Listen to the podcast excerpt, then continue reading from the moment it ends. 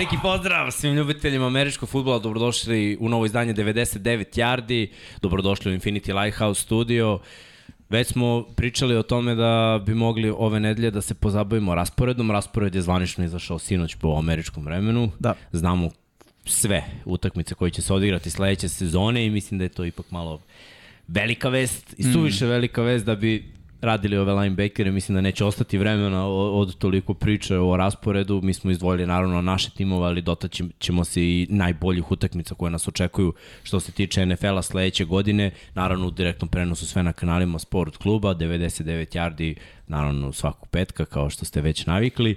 I onako nekako smo puni entuzijazma, mislim da, da će ova sezona biti još jedna neizvesna dobra sezona, mm. opet je veliki broj utakmica, video sam malo ta neka ukrštanja, sad ti si jedini predstavnik NFC ovde među nama. Da čovječ, nevjerovatno. Da, tako da tebi je malo lakša priča, ali Jest. nama ni malo laka. Čak imamo i međusobne duele. Da. U prvom kolu Srkevi protiv mojih otvare. Pazi, ja prema što izašao raspored sam razmišljao ono ko bi mogao kao da ima teži raspored. I odmah ti na umu pada AFC Zapad.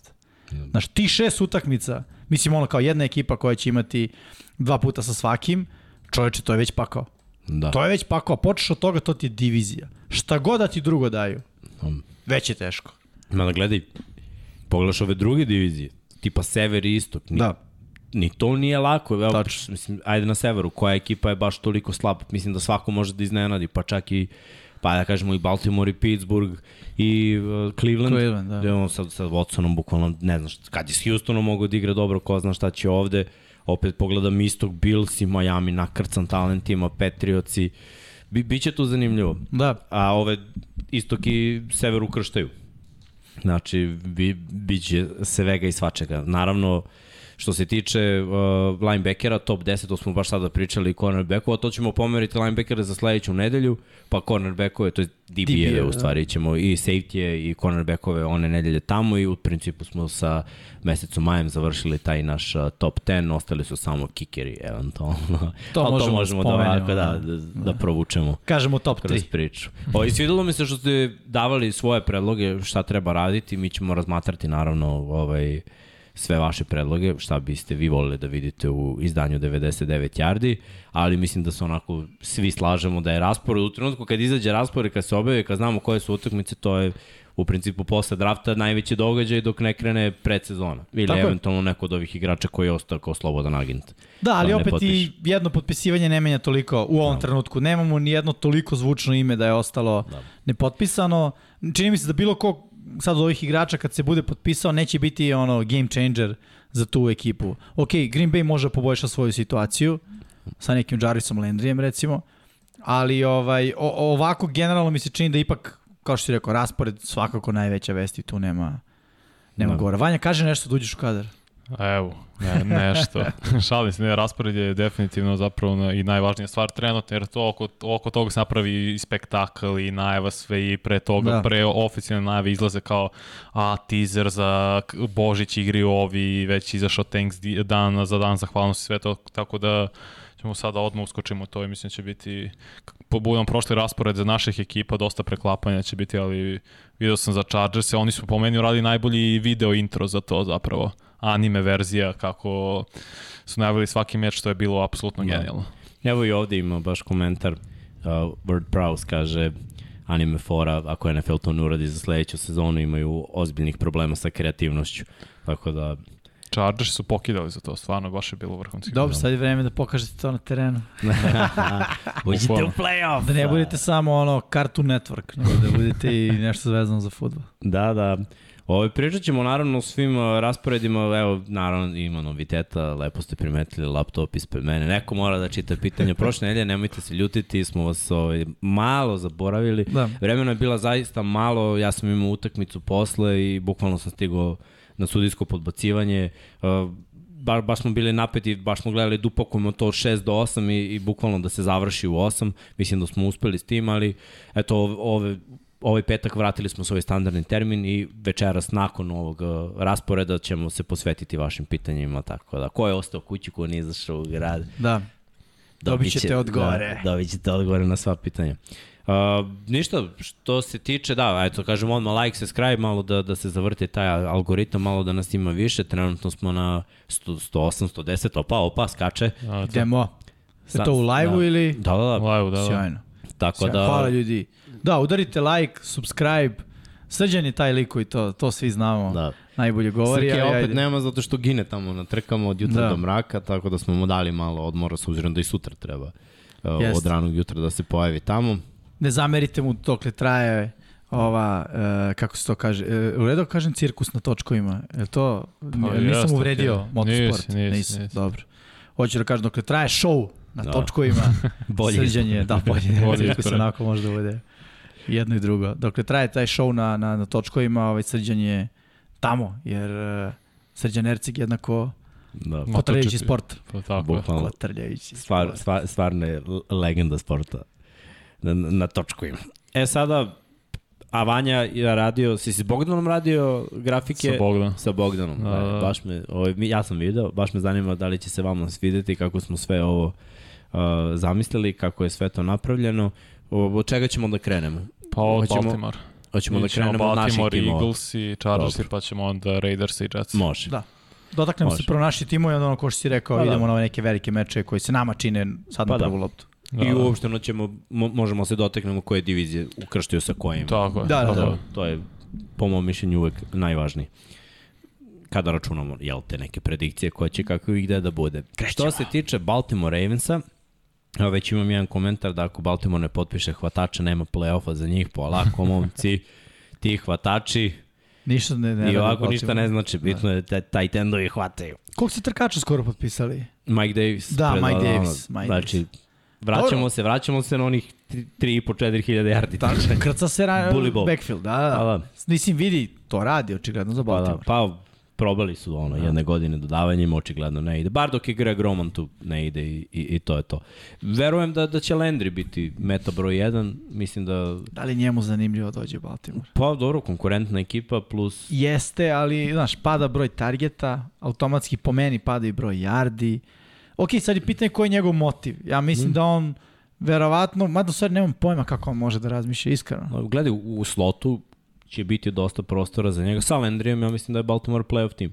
Ako pogledam kakva je odbrana nakrcana sada tokom drafta, Mislim, Landry daje i onu neku, da kažem, eh, širinu u playbooku, da ga Da. koristiš na različite načine. baš to. Ok, nije on baš sad kao dečkić koji može tako lako da trčkara tamo vamo, ali ti daje uh, širi odbranu. Definitivno širi odbranu sa motionima i eventualnim ono, Da. play actionima i ostalim stvarima koje mogu, na koje I mogu da opet tu je koristiti. Duvernay koji je 4-3, uh, tu je Bateman ko- koji je jako talentovan, momog Mark Andrews sa ono skoro 1400 yardi kao opcija broj 1. Mislim da, da ono Bateman, Landry i Andrews mogu da podele ta nošenja, ta, ta u stvari hvatanja i da mogu da imaju po 1000 yardi uz taj stari sistem gde se mnogo više Da. trči. Prva utakmica je protiv Jetsa, Tako To je. će biti zanimljivo, to on prvo kolo, pa Srke i ja u dvoboj.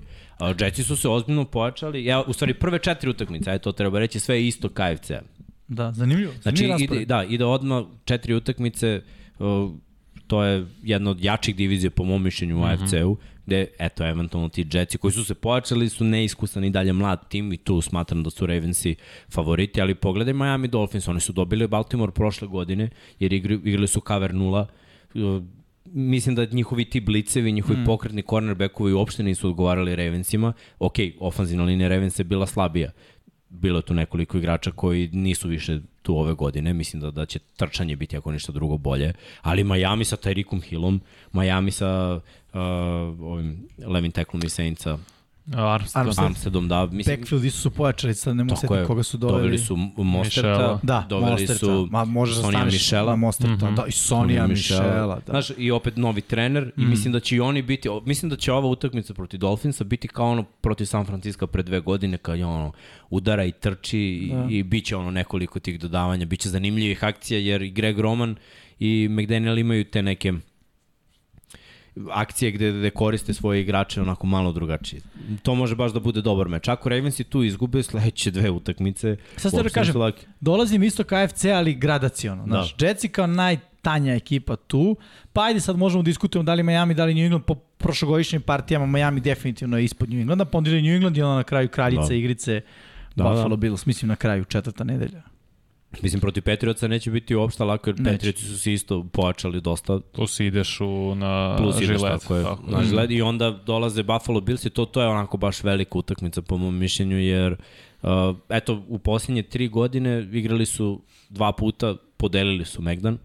One godine kad je Lamar bio MVP, uh, dobili su Buffalo Bills tamo, pa su onda godinu dana kasnije izgubili od Buffalo Billsa. Uh, sada pogledam šta je Buffalo, kako Buffalo je nakrcao svoj roster, deluje mi da, da su mnogo ozbiljni tim i ono što nije dobro za Ravense jeste sve te povrede prošle godine i onda, ok, da izuzmemo ove Jetsa koji će, ali opet i oni će igrati jako fizikalno. Onda ide Miami, New England, Buffalo, to su ekipe koje baš s fizikalnom futbol će se igrati. Treba ostati zdrav posle ovog niza od prve tri utakmice. Plus za kornere će biti bitna stvar. Ovo imaš prvo Diggs, to jest posle imaš Diggs, imaš Tari Hilla, Vadle, Jetsi isto imaju vrlo mladi, talentovan hvatački korpus. Jedno tu Patriote su ok, slabije, ali opet imaš u tri prva, od četiri meča, u tri imaš ozbiljne pretnje što se tiče ozbiljni matchup za cornerback. Pa slobodno možeš da kažeš i u pet, jer posle toga dolaze Tako Bengals i, Tako je. i prošle godine skoro devet, u stvari nije skoro, 900 yardi imao Buru u dve utakmice protiv Ravensa, što znači da sa Chaseom to je totalno drugi tim. Ali opet, prošle godine nisu igrali ni, ni Humphrey, ni igrao Peters. Tako je. Nisu imali Williamsa na safety nisu imali Hamilton. Tako da sad je totalno drugi secondary, četiri nova igrača, biće malo drugačije, mislim da Ravens i dalje moraju više da razmišljaju. To je ono zašto sam rekao da Ojabo možda nije najbolji potez, jer ja ne znam da li će Ojabo moći da igra do ovog perioda, do, do pete nedelje. A treba taj rusher. Jer, da. jer i dalje, i dalje ne verujem da će igrati. Pa to, to, u martu je pokidao. Ja i dalje to. Ja i dalje čekam da, da se pojavi neki slobodni agent tu kao... Jer ako nemaš pritisak, džabe, kakav god sekundari da imaš, ovo su ekipe ovako gradacijono stvarno pako. I onda tek dolazi posle u šesti nedelje Giantsi. Ja mislim da će Giantsi biti bolji nego što su bili prethodnih godina. Svako. Ali ne verujem da, da Giantsi... Ono što oni imaju uh, na papiru trenutno na rosteru po mom mišljenju ne ugrožava Ravens, mislim da su Ravens mnogo ozbiljni tim. Naravno, fizikalni tim, ajde, mm. da, da krenemo odatle. Od ofanzivne, defanzivne linije, onda idu Cleveland Brownsi, koji su za mene e, veliki znak pitanja, to je sve zbog Dešana Vocana. Jer iskreno nemam predstavu, tek ćemo saznati posle ono mesec dana šta on donosi i u stvari i dalje čekamo. Da li će da, da igrati? Tako je, i čekamo i dalje da će potpisati još neki hvatač kako će biti njihova slika, mislim, vidio sam Čaba da radi čučin sa ono... 300 kg. Pa da. 670. 670. Ne, nerealno. Znači, pazi, znamo šta će biti Brownsi, znamo da šta je njihov identitet, jaka defanzivna, ofanzivna linija, opet divizijska utakmica gde uglavnom jednu dobije Baltimore, jednu dobiju Brownsi. Onda Tampa Bay, mislim, i to tamo. Da, uh, Baltimore teško. ne igra dobro na Floridi i prošle godine ih i Miami počistio tamo. Tampa Bay isto, još Brady i ekipa. I onda opet vidimo da ukrštio sa južnom divizijom NFC-a, mm -hmm. što isto nije dobro s jedne strane kada ti dolete ovako u vezanim nedeljama Tampa i Saints. Da, pogotovo što da. ideš u gostima obe nedelje. Tako je, obe nedelje. Tipa da je Tampa, pa par nedelja pauze, pa Saintsi, pa da se spremiš, jer jedna i druga ekipa su krcate talentima defanzivno mm -hmm. i ti moraš da uspostaviš dominaciju. Obe ekipe su top 5 u odbrani protiv trčanja, a Baltimore baš trči. Mm. Mislim da tu, kad pogledam taj matchup, da, da tu u tom A znaš gde treba se oslone? Protiv fi, Fila sa Hrcom je uspela protiv Saintsa da trči. Da. Mnogo i uspela uspostaviti. Dve godine za redom pobeđujemo. Da. Tako je. Da, da, znam. Saints. I oni ne dozvoljavaju 100 yardi, mm -hmm. a mhm. Fila ima 100 Fila yardi Hurts i yes. 100 yardi Tako Saints definitivno imaju problem da zaustave ono, trkača, kvotrbeka trkača. -huh. Mislim, iz primjera File to možemo da zaključimo onako. Dva od dva je. Uh, mislim da je ovo idealno mesto za bye week. Ne znam šta je, ovo, kako vi to gledate, to je na polovini sezone. Da. To je sad, naravno, postoje, kad je na početku, to je problem, jer posle za playoff budeš povređen. Kada je malo kasnije, izgubiš dosta igrača. Ovako, negde od 10. do 13. nedelje, po mom mišljenju, to je ono, idealno. Što ja mislim, da najviše zavisi od rasporeda. Pa da. Sad gledajući ovako raspored... Pogledajte kogu su ovo bile jake tekme. Tako je. Možda su Giants i Jetsi slabije utakmice. Da ste to sigurni favoriti. devet. Da. da. Pa sam, možda će zvučati nekome i nelogično ovo što će reći, ali da je došlo u devetoj nedelji, bolje bi mi izgledalo. Bolje bi bilo, da. ili u osmoj nedelji, bolje bi mi izgledalo. Da imaš nedelju da odmoriš i da se spremiš za Tampu i Senice, kako god. Da, da. Ovako, realno, u ovih prvih devet uh, utakmica, znaš, ako budeš imao negativan skor kao Baltimore, a ajde da kažem nije nemoguće, imaš Buffalo, imaš Bengals, ipak su učesnici Super Bowl, imaš Tampa, imaš New Orleans, to su četiri koje, ono, možda, može biti, ne mora biti, ali tako? Cleveland može da ih pobedi, to je ono što si ti rekao, no. Da. dešava se da dele, New England može da ih pobedi, Miami može da ih pobedi. Znaš, to su već sad da kažem ono kao, dve, ne mogu sad, znaš, teško iz ove perspektive reći to je siguran poraz, lupan Buffalo i Cincinnati. Ajde kad prođemo raspored ćemo onda ići. Da, da, da, da ali hoću da kažem, Aha. ako već do tog baja Baltimore bude imao 4-5, recimo, to sad već počinje da miriše na problem, jer pogledaj drugi deo rasporeda. E, ali meni je suprotno, baš zašto ide onda Carolina, Jacksonville, Denver okay, i Pittsburgh. Su, da. Znaš, i to nije toliko teško i ti budeš 4-5, ajde da kažemo, ti lako možeš da skočiš na... 6-5. No. Pa Jeste, viš, ali znaš više raz... čak se, mislim da možeš dobiješ i Denver, jer ne znam kako će izgledati Russell e, Wilson. E, pa ne znamo, da, sad. Da, e, ajde da kažemo ovako, Baltimore i Denver su igrali prošle godine. Mm -hmm. Ali nije to taj Denver, znaš i sam. Ne, ne, ne, naravno nije to taj Denver, ali gledamo ovako, ta odbrana Denvera je za mene uvijek bila kako će Baltimore igrati u napadu, jer oni su isto dobri run stoperi, yes. ali Lamar ih je rastavio dodavanjem, 400 yardi dodavanjem na toj utakmici. Uh, pogledam Jacksonville, ekipa mlada u rebuildu, isto kao Karolina u stvari. Da, da, da. To, to, to su ovo dve lake, pa onda Denver, Pittsburgh, vidjet ćemo šta je Pittsburgh, šta je, da je Pittsburgh bio tipa u prvih pet utakmica, mislim da bi Baltimore to rešio. Tako ima do 14. nedelje Pittsburgh može da se uigra. Stvorili su neki identitet. Tako mislim, može da bude, bude Trubiski, može da bude Pickett, ko no. zna, možda im krene dobro, možda im krene potpuni raspad. Baš to, inače Steelers su prošle godine rešili Ravens. Doduš, ajde s Big Benom, ali bila je ona utakmica na dva poena, na da. konverziji da. za dva poena. Opet dolaze Brownsi, Atlanta Falconsi, to je možda onako malo lakše, s obzirom da Falconsi koliko god bili da kažemo zanimljivi za gledanje, mm. koliko god bili kreativni, nisu fizikalni dovoljno da igraju sa ovakvom ekipom. Nisu, Mislim da- ali da... i prošle godine, čini mi se da su imali slabiji roster, bili su konkurentni za playoff, mislim zbog da. toga što je NFC bio tanak, generalno do bukvalno četiri nedelje, pet možda pred kraj, imali su šansu da uđu koja nije bila nerealna. Da, da.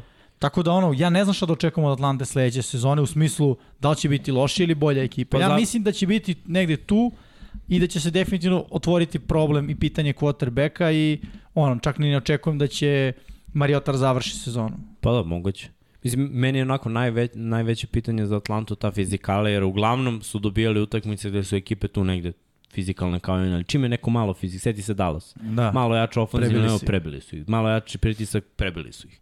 I mislim da Baltimore je ono, ta sileđiska ekipa, ne igra Baltimore lep futbol, nego ono, old school futbol. I mislim da će to, to i biti i ove sezone priča. E sad, sa tim pristupom stare škole, kad pogledaš ovaj raspored, onako delo je polovično. Polovično. Sa, sad je pitanje, sad ne moramo da, da se gađamo brojevima, ali da li je polovično dovoljno da uđeš u play-off u, u AFC-u? AFC ne, ja mislim da ne. No.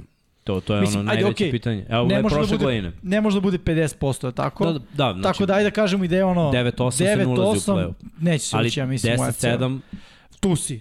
Ne, Ima šanse da, da budeš si, sedma ne. ekipa no. ili, ili tako. Mislim da, da prođeš se... na, na brzinu. Šta? Da prođeš na brzinu.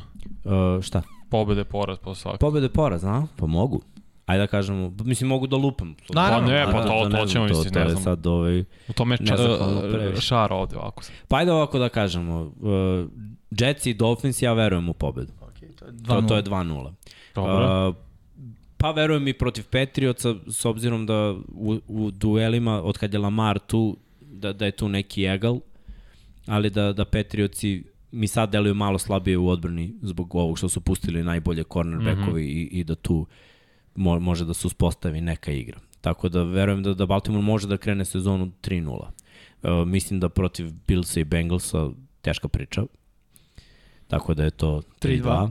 Uh, protiv Giantsa i Brownsa mora da se dobije bez ovo je u New Yorku, ali su Giantsi slabiji, u Baltimoru protiv Clevelanda takođe.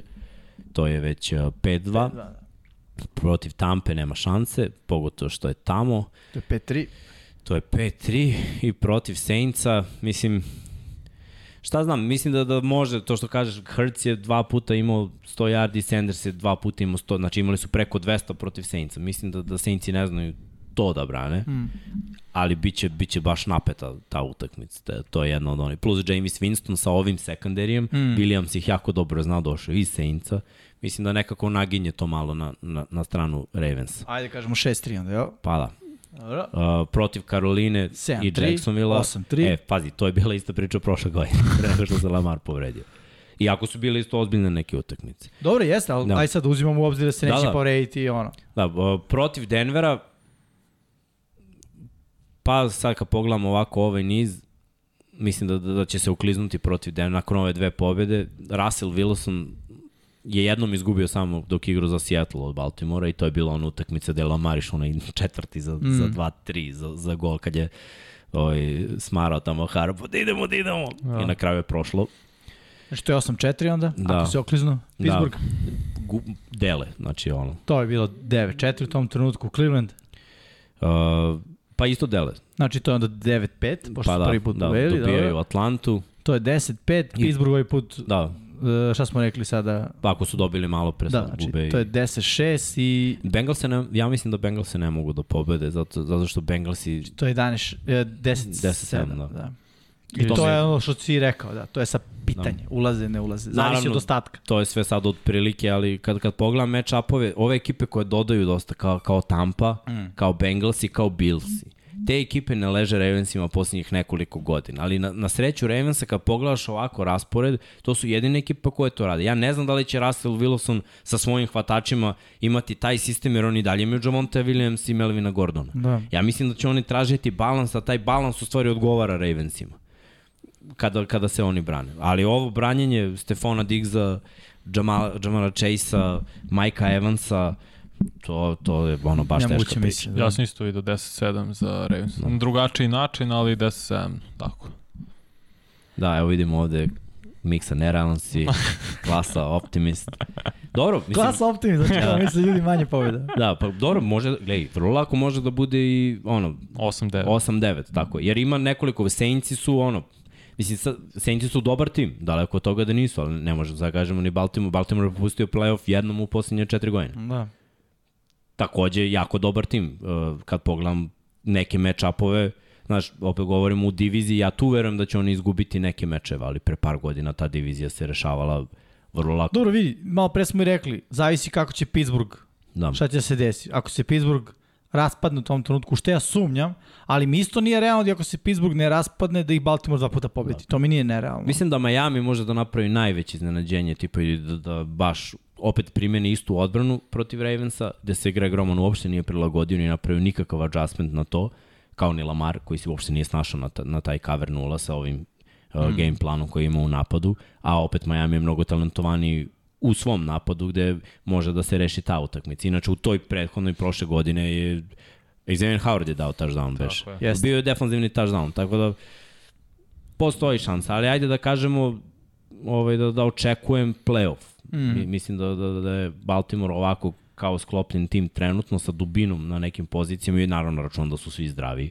Da, je, da su bili svi zdravi prošle godine, Drugačije teško da bi od 8-3 došli do 8-9. Da. To je neko moje mišljenje, naravno ne morate da ga delite. Da, mislim, meni ima smisla. Iskreno ima mi smisla, isto tako mi ima smisla i da Baltimore ima 11 pobjeda. Da bude 11-6. Ono, nije mi, ne, ne bih se iznenadio. Ali mislim da neće imati ispod, ono, 8 pobjeda. Slažem se. Tako mi deluje. Da je neki minimum za njih 8, a da kažem maksimum 12. Eto, za mene je maksimum 12 za Baltimore, što znači ako je minimum 8, maksimum 12, sredina je tu negde 10, je tako? Da. Što otprilike dolazimo do ovog što si ti rekao i više mi naginje 10 ka 11 nego 10 ka 9 recimo, ali Ono, Vidjet ćemo, okay. pa da, da, mislim, mi sad pričamo u scenariju da su svi zdravi. Tako je. Što je nemoguće, za, za, za, za sve. Ne, pa da, uvek da, pričamo idealni scenarij. Da, to je to. Da. Idealni Kako scenariju je takav da, mislim, aj gledaj i ovo, nakon tog putovanja u Tampu biće mnogo teško ostati u gostima i igrati protiv Senica. To je yes. faktor da su svi zdravi, to je ono faktor koji može da prevagne da tipa bude to poraz, da, mm. da bude ono 9-8. Ali vidjet ćemo. Mislim, ja jedva čekam iskreno, jer volimo ovakve rasporede gde, gde ima, ima olakšica, ono, posle baja dve utakmice, mislim, mislim da je to ono što, što Baltimore mora da reši. Setite se ono pre dve godine, kad, kad je Baltimore imao ono baj pa onih pet poslednjih utakmica mm. u nizu gde je bilo meni bar, mm. i ta su mnogi pričali da sam optimista, ali ja sam video pet ekipa koje ne brane trčanje. Kao što i ovde ima dosta ekipa mm. koje loše brane trčanje, a mislim, moramo svi da budemo svesni, Baltimore je ono one trick pony. Trčanje Jest. i 30% možda pas. Slažem se. Ko ćemo dalje? Ajmo. Eagles. Opa, odmah na mene, a?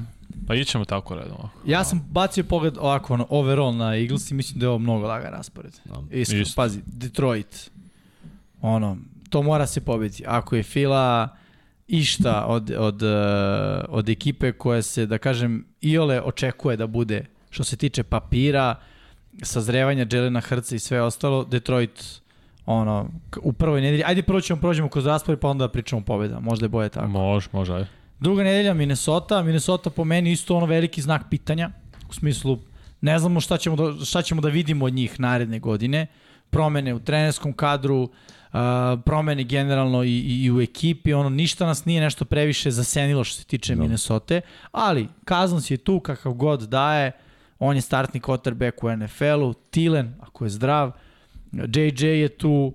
Uh, Cook je tu odbrana deluje bolje nakon drafta, tako da ono, mogu da budu dobra ekipa, ali druga je nedelja, pitanje da će se kotkice poklopiti za njih ili neće, znaju oni u napadu da počnu prilično dobro sezonu, ali odbrana je obično, obično problem. E sad, Filina odbrana opet deluje jače, deluje bolje nego prošle godine, moj neki utisak je što se napada tiče takođe, ono, dodali su nenormalno oružje u, u vidu uh, AJ Browna i ofenzivna linija će biti podmlađena, sa dosta talenta, nekako, ono, i dalje mi to deluje kao ok, i opet mi deluje gradacijono dobro za Filu. Detroit, koji je slabiji, Minnesota koja je ono jača od no, toga, ali... Minnesota je u stvari to može da bude na kraju vrlo važan taj breaker. Tačno. Jer i prošle godine su bili u jurišu na playoff i jedni i drugi i Fila na kraju ušla kao drugoplasirano mm. u svojoj diviziji. Mislim, meni nekako deluje da Fila može da bude i prva nakon ovog rasporeda što se tiče istoka NFC, ali ako bude druga, važno je da skine ove ekipe koje su pretendenti za taj wild card, kao što su Saintsi, protiv kojih igraju u 17. nedelji i Minnesota u drugoj nedelji. To su mečevi gde ono, direktno si dobio nekoga ko pretenduje na drugo mesto u sobstvenoj diviziji. Da.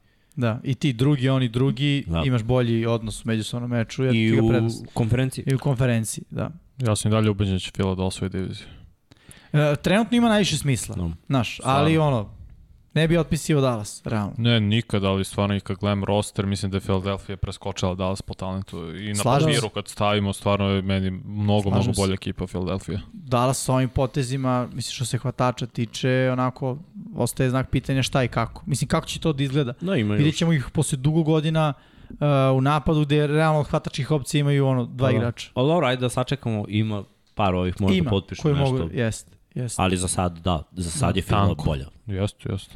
A, treće kolo, Washington u Washingtonu, ono, Vance ima priliku na osvetu, ali mislim da se to desiti neće. Jer, uh, mada ono, šta znam, Vance je prošle godine u kolcima, uh, izgledao ok na početku i kako je sezona odmicala, on je bio sve gori gori. Nekako to je priča no. njegove karijere nakon povrede. Ono. A opet protiv File, Mm. Mislim da, da, da je, dobro, ajde, nije bar u Fili, druga je u Fili, a ovo je u Washingtonu ali mora brzo i jako da se dokaže. Znaš, i Washington opet nije mnogo uradio po mom mišljenju na draftu. Ima Istina. tu nekoliko znaka upite. Možda greši, možda će da me demantuju. Nisam očekivao Mislim... to. Oni su birali tipa hvatača kog ja nisam video kao ono top 3. Možda greši, mislim, i Terry McLaurina mnogi nisu videli, pa onda da. ispod ubica. Ali deluje mi da nisu u ovom trenutku na tom nivou talenta kao, kao Fila. Da, i ono, pravo si, ne treba zanemariti Rona Riveru i njegov da. sistem generalno. Tako da to može da bude isto jedno iznenađenje. Uh, divizioni duel, istok NFC-a, mislim ne treba tu puno reći, tu po meni u svakom trenutku, u svakoj sezoni svako svakog može pobediti. Da. I opet je za Phil, ono može da krene 3-0, i isto kao i Baltimore, jer su utakmice onako ma, malo jače, da. ali isto tako u jednom, znaš, 1-1 i potencijalno ružno iznenađenje. E, ja ću vam sada otkriti, ja mislim da Fila u prvih 9 dobija 8. Da, iskreno, ovako kako, možda kako i 9-0, bez sad ikakvog preterivanja, kad pogledam stvarno fila do kolca, ja mislim da može dobije Bili, sve. Svakako prvi, bukvalno. prvi deo sezone deluje prilično dobro. Znači sad ako pogledamo samo levu stranu ekrana, ajde da budemo ono open-minded, što se kaže. Arizona, Dallas i Pittsburgh su ono, Ali pazi, Protivnici- u petoj nedelji za Arizonu još uvek ne igra DeAndre Hopkins. Šest nedelja su. Jeste, jeste, ali opet ono, znaš, Arizona, nezgodan game plan zbog Mareja koji Pa i može na da početku trči. sezone igraju obično Tako mnogo, je, mnogo početak bolje. sezone igraju Kad su mnogo bolje. kompletni. Znaš, otišao je Kirk, Tako je. Otišao je Kirk, Mari ne igra. Ja mislim da će- imaju AJ Greena Aha. i probaće sa Hollywoodom Brownom koji, mislim, jeste da su, su igrali zajedno na koleđu, Mare i, Biće i su dobar Brown. fit, veruj mi. Taj Pa Brown. može da bude, ali Brown, vidjet ćeš. Mali Brown je. ono, isto, Mali isključivo vertikalni hvatač. Fila ima rešenje. Prvo, Mare je mali, ovo je mali. Znaš, drugačije je sve to bilo. uh, Fila ima dva tenka u sredini. Da. Veruj mi da je mnogo lakše bilo Brown da dođe do 1000 yardi u Baltimoru kad su sve oči na liniji skrimež da. Lamar trči. I onda imaš u principu free release. Ovde ćeš morati da ga zaslužiš jer si u spredu. Ali dobro, jeste, ali Conner, ne zaboravi Conner i Da. njegovu sezonu prošle godine u Arizoni. Znaš, nije Arizona samo... Nije, nije, ne, daleko toga. only. Ja, Da, da. otišao je Chase Edmonds, da. Tako da je Ok, to... jeste, ali Edmonds je drugi malo. deo sezone i bio povređen i nije toliko Jeste, da. imao ulogu koliko ima u prvom delu sezone. U prvom delu sezone je bilo Edmonds, Conner, one two punch sjajan. Sad mi se čini da je ono punch, punch, punch, samo, samo jedan u, u, vidu, u vidu Conera. Uh, I šta znam, ali slažem se, da, mislim, dajem prednost tu, tu Fili, međutim, ono, eto, Arizona zbog divizije u kojoj igra i zbog toga što igraju dobro prvi deo sezone, bit će to dobar meč. Dolazi Dallas. I to igra se u Fili. Ono, ne znam šta da kažem. Ja uvek želim da verujem da Dallas i Fila podele to. Ono, da Pa, bude jedan za jedan. prošle godine Dallas da. razvalio Fila dva puta. Da. Ruku na srce, poslednji meč je bio ono, be, Da, da, rezerva su igrale nedelja stvarno. i- Da. Jeste, ali onaj prvi koji Fila je trebalo da dobije, Bilo je zato što u tom trenutku da su dobili, mnogo bi lakši ostatak s- sezone bio. Ali gledaj, prošle play-off. godine Dallas je bio dosta talentovani tim. Još jedna Jeste. godina s novim trenerom u sistemu za, za Jelena Hurtsa. On je, evo, ljudi ovde pišu, mislim da su u potpunosti u pravu da, da će sve zavisiti od Jelena. Kako Hurts bude igrao, tako će ići Fila. Mislim, on ima rešenje za pola ovih timova. Pola ovih timova, evo, pogledaj ovako. Washington vrhunski brani trčanje. Pa Pittsburgh. Da. O- u prvih devet nedelja. Znači, Fila, Fila je ma, najveći problem moj koji on s Filom, što je Fila, kao i Baltimore, brutalna trkačka ekipa. Ne koriste svoj trkački potencijal jer pokušavaju neke druge stvari. Ok, da. razumem, treba pokušavati svi timovi teže tome da budu izbalansirani. Ali na kraju krajeva ćeš pobediš ili nećeš. Pogledaš ovako, Detroit ne brani toliko dobro trčanje. Minnesota možda se promeni ove godine, Da. sa Zaderiusom Smith, sad su malo se pojačali u defanzivnoj liniji, ali protiv njih je bilo lako trčati. Washington grmi Protiv u front. Da. Jacksonville može da trči kad hoćeš. Arizoni možda trčiš kad god hoćeš, bukvalno. Oni Uopšte nemaju... Mada seti se njihova defanzivna uh, linija prošle godine na početku sezone delovala dobro. Jeste, sad bez Chandlera Jonesa. Jeste, to će to- i sa JJ. Wattom plus jedna godina. Tako je. staža. Dallas biće napet od divizije, mm. mislim da Fila malo, ova, ova mlada Fila malo ima kompleks od Dallasa, ali gledaj, online, Fila mi u, uliva više poverenja nego D-line Dallasa trenutno. Kada pogledaj, izgubili su Gregorija, još jednu rotaciju, Da. imaju oni dobre igrače, ali, znaš, i oni moraju malo da izađu da popiju vodu, malo da udahnu Jest. vazduh. Pittsburgh će biti, mnogo, protiv Pittsburgha se baš teško trči, još su se Jest. nakrcali, sad imaju Malsa Jacka i Busha na drugom nivou, plus imaju šest eh, defanzivnih lenjača koji se rotiraju. To je baš brutalno, gledam ih dva puta svake godine i protiv Houstona. Ono, još imaš, pazi, imaš quarterbacka, running backa. Imaš dvojicu dobrih bekova koji mogu da trče. Meni je Jeste, ali nisu pokazali da Sanders umeju da koriste na Zato- način da. na koji bi trebalo da ga koriste. Znaš, Sanders je, od kako je ovaj Sirijani došao, onako, potencijal Da. koji nije iskorišćen na 100%. Jeste. Kao s druge strane ni Hertz, znaš. I kad je bilo utakmica gde on možda mogao da trči, tad se malo pokušavalo više sa pasom. Oni su tek negde u drugom delu sezone tako deluje. Sirijani je skapirao šta ima i kako se Sanders povredio, Howard počeo da dobija više šansi i Boston Scott i to trčanje izgledalo bolje. Ja, mislim da za Filu je loš recept deljenje nošenja. A to je bio njihov pristup da. prošle godine, hot hand. Tako je. Ko krene dobro, igra dobro. Da. A to nije, slažem se, nije dobar pristup, zato što ono, imaš jedno koji je starter, realno Miles Sanders je starter, Da. mislim, on je taj kvalitet e, trkača u NFL-u. I ti ga tretiraš isto kao Bostona Scotta koji, mislim, aj sad da, da gledamo realno, onda što kaže da nazivamo stvari pravim rečima. Boston Scott je undersize igrač u NFL-u. Da. On po svim pravilima NFL ne bi trebao bude u NFL-u. Da. Ali dečko je tu, ok, jer posjeduje kvalitet. Jordan Howard, ista stvar, on je veteran. To je to, on može da ti da treći za jedan, to je to. Da. Ali Fila, daješ sad iste šanse Bostonu Scottu, undersize igraču, Jordanu Howardu, koji je razbijač, ali ono, na kraju, na zalasku svoje karijere, i tvom, ono, star running backu, zvezdi running backu, daješ iste šanse i kao, ajde imamo ko će boje da krene. Nije fair. Tako je. Tako je, to je problem. To je da. problem, ja mislim bar. E, Ali a... opet kad pogledam ovih prvih devet utakmica, apsolutno mi je sve okej. Okay. Jest. I čak mi je okej okay bye week u sedmoj nedelji. Pa da. Razlog, mlada ekipa, krenuće kako god da krenu. I dobro i loše, taj bye weekend dođe u trenutku treba da kažu, ej stani, aj sad um. polako, ajmo sad da napravimo game plan za drugi deo sezone koji je dosta teži. Da dosta teži tu može onda zbog tog ranog bye weeka da se desi problem da, da Fila igra ozleđeno u nekim ovim utakmicama što, na primjer, ima veze na tri gostovanja od 14. do 16. nedelje. Da.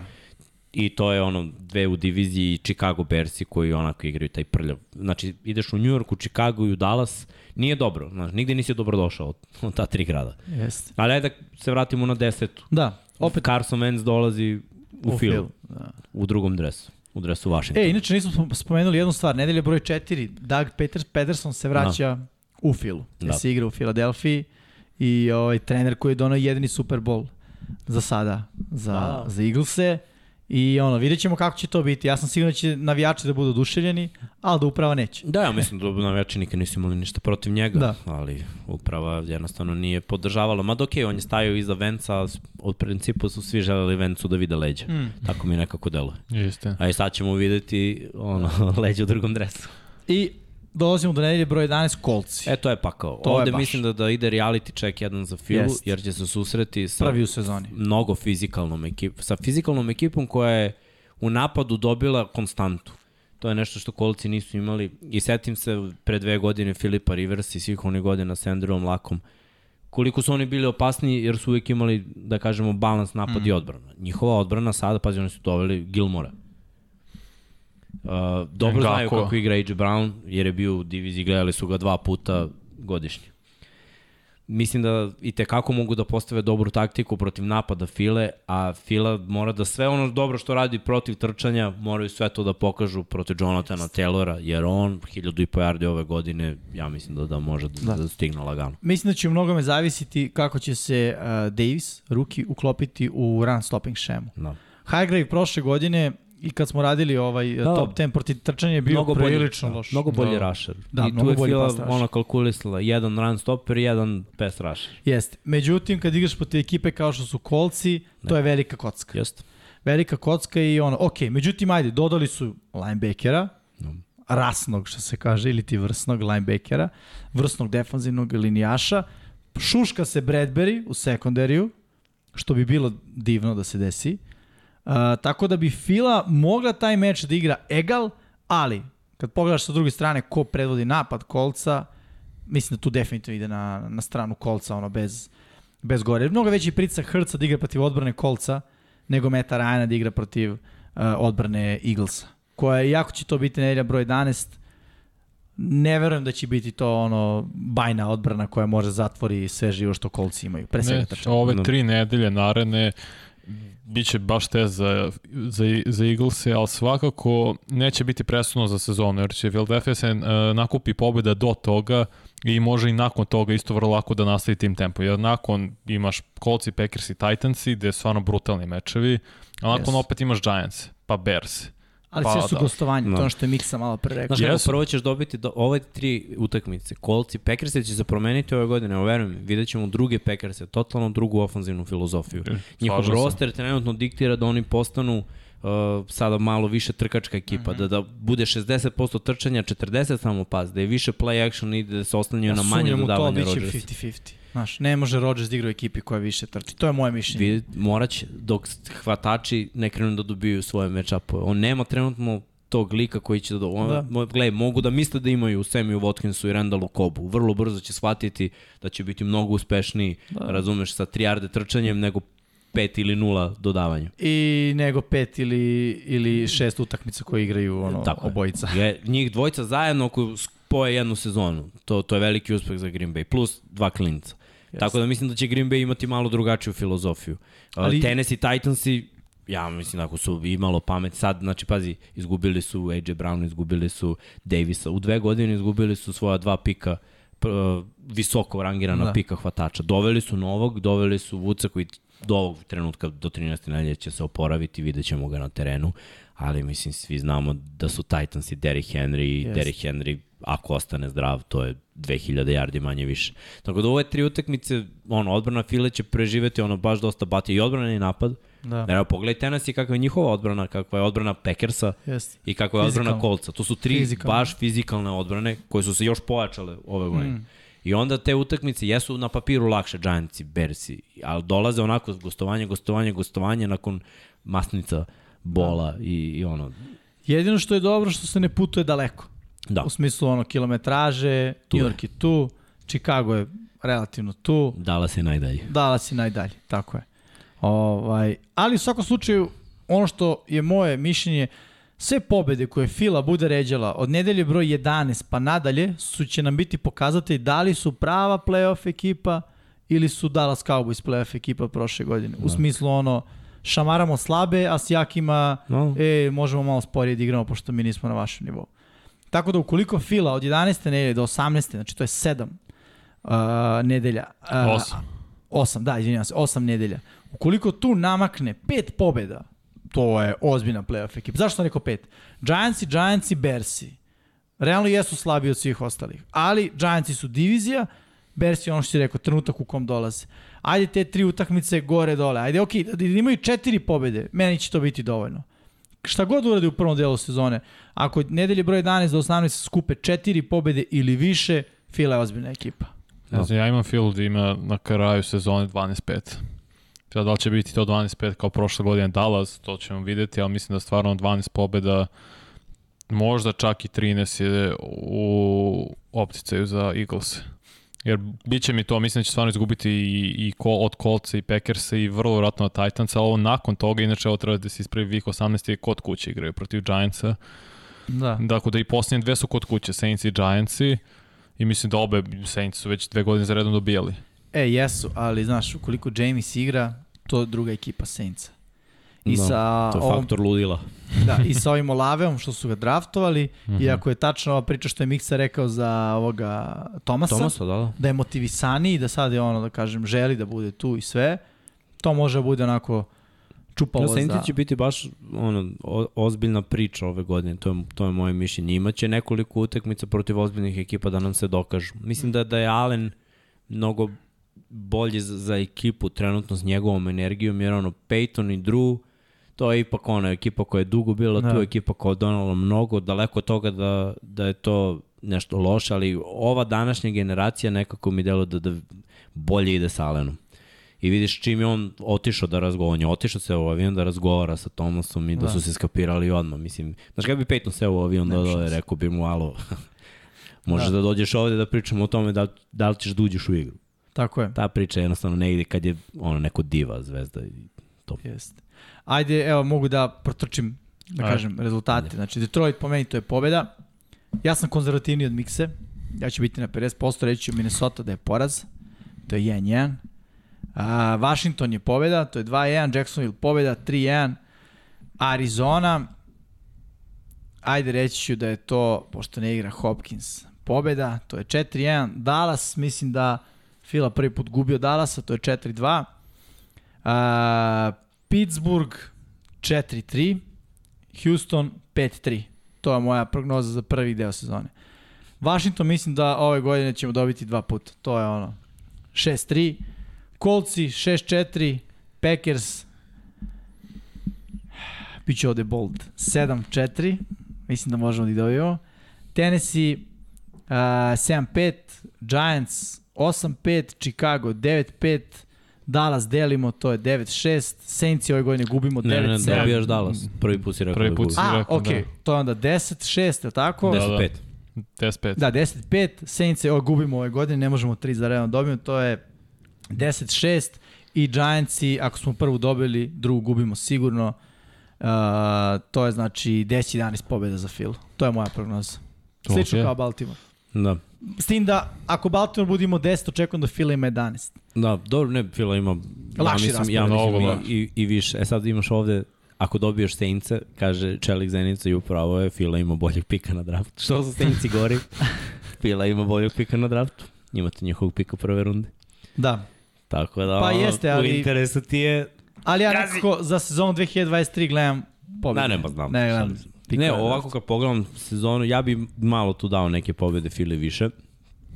Ovaj, ali, ali generalno to, ja mislim da, da je 11 onako Vidi, 12, što je Vanja rekao, ja mislim da je to, To je baš na- mnogo, Vanja. Pa, za ekipu to- koja je... To je najbolji scenarij, Jeste. znaš. Jeste. Ja mislim da, da, da je to To najbolji je pobedi sve što treba pobediš ono, na Pa, papiru. Ove tri, ove tri utakmice, ja mislim da, da, da Fila lako može da veže i tri poraza ovde. Uh, Colts i Green mm. -hmm. Bay, Tennessee, ali vidim neke druge, neke druge pobede. Ali vidjet ćemo. Ono što je važno za Fila, ja mislim da, da u diviziji ne bude priča kao što je bilo prošle godine.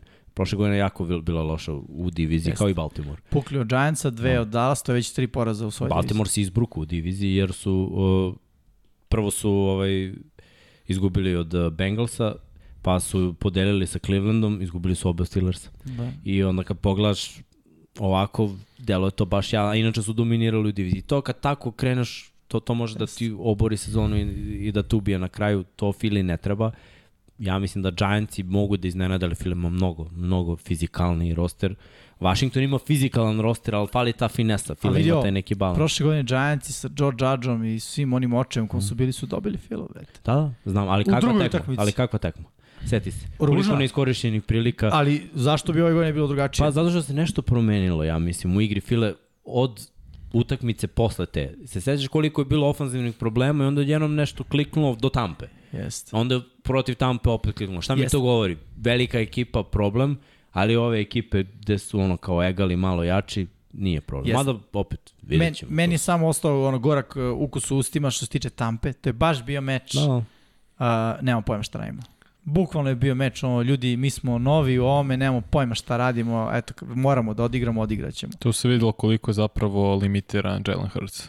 Istinski limitiran u, u prosto i u talentu do, za dodavanje. I, pazi, sad dobija drugi element, znaš. Ja da sam ofanzivni koordinator, ja bi znao kako da se igram iskreno sa Smithom i sa Brownom, da mi daš ovako papir i olovku, odmah bi niklo 20 akcija, mislim, i verujem da, da će i oni to uraditi. Sad dobijaš jedno kao onako eksplozivniji, koji ima osjećaj za prostor brz, razumeš, jako dobar osjećaj ima u prostoru.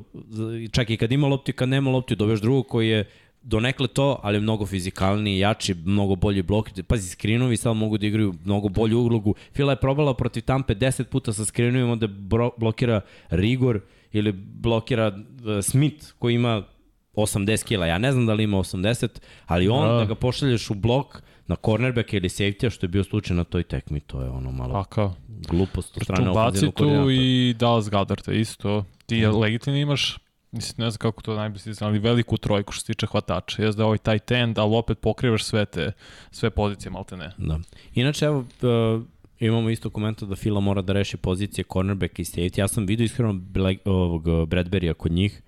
Znam da je bila priča i vi ste ovde komentarisali pre draft da, da je Baltimore teo da im da Čaka Clarka, a da uzme Rigora, hvala Bogu, nisu uzeli Rigora, iskreno. A mislim, i dalje postoji ta mogućnost, vidjet ćemo da, da li Ravensi hoće da daju Clarka. S obzirom da je on na depth chartu sada treći safety da bi morao da igra nešto drugo. Oni imaju cap space, evo imamo pitanje ovde za, za Bradbury-a, može to sve da se... Mislim, cap space, nema se zavaravamo ljudi, ako nešto hoćeš danas možeš. Ma da, videli smo šta se sve dešava. Oni će da oslobađa se cap. prebace nekoliko, pet ugovora, Jest. prebace na bonuse, pomere za godinu, dve i eto, ima, Eto cap ima mesto u cap. Jest. Ispostavio se da cap space, što si ti rekao, Šarena laža, uopšte da. nije, da, samo priča.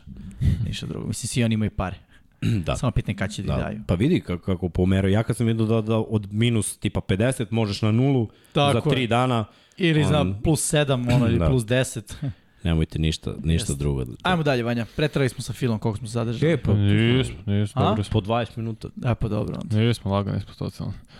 E. Izvoli, Vanja. Chargers, eh, ceo NF, AFC zapad zapravo lako može se kaže svi po tri pobede, svi dela svaki. To je, i tako je bilo i prošle godine, Mislim da, da je to i realno. to je sasvim realno. Kre, sa Raidersima se kreće i mislim da je ovo, da će Raidersima trebati vreme malo da se u, u napadu igraju. Jer sad toliko imaju novih opcija, pre svega Davante Adams i Derek Carr, da igraju su sad na college, ali ovo je drugi nivo i sad treba, potrebno je malo vremena, mislim da će u 13. nedelji biti mnogo, mnogo ozbiljniji Raiders u napadu, mnogo fluidniji no. nego što će odmah na početku biti dok Chargersi već imaju uspostavljen sistem. E, a znaš šta bih ja tu samo rekao? Ako nešto zna uh, da uradi uh, sam mi stao mozak, bre, glavni trener Raidersa, McDaniel. McDaniel.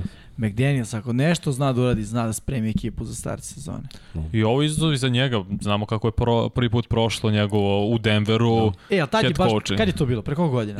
10, baš 10, da, 11. Tad je bio klinac. Baš nije bio iskus. spreman. Tad je bio ono kao superstar kome je dato previše u tom trenutku. Moje mišljenje, znaš. Mm -hmm. e, mislim da on sada je apsolutno zreo i da će znati kako da spremi e, Kara, Adamsa i ostatak ekipe. Jer vidi, šta mi govori da ovaj e, da on već uspostavio sistem, da tu više nema zezanja. Činjenica, mada nije to potpunosti njegova odluka, verovatno nije u mnogome, ali sigurno je konsultovan, da nisu uzeli petu opciju ni za jednog od svog pika prve runde.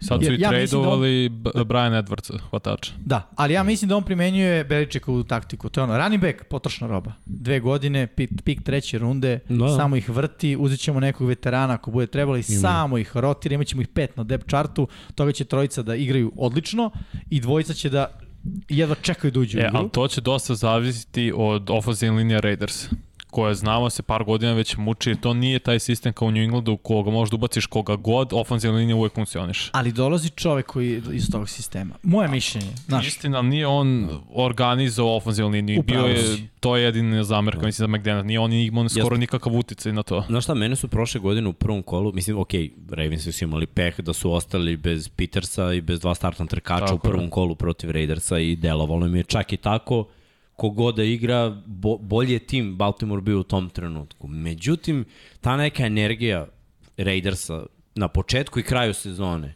prošle godine je bila zarazna, ja mislim da su yes. samo zbog te energije vezali, oni su bili dobri na početku, u sredini su bili pakleno loši, da, da. kraj im je bio baš dobar. No, do, imali su ono protiv Dallasa na Thanksgiving. Mislim da su izgrmeli. na krilima neke dobre energije i dobre sezone i, i da će ovo videti, pazi, ta poslednja utakmica Opet, ja sam ne radio. Nije bila sramota uopšte. Uh, za njih, realno. Protiv Bengalsa, što su ne, ne, ne, ne, ne, protiv Chargersa. Protiv Chargersa. A, okej, okej. Okay, Meč gde su eliminisali Chargersi, iako sam video opet da Chargersi su bolje tim i da će mm. ući u playoff. Sad ove godine Raidersi su mnogo talentovaniji nego prošle.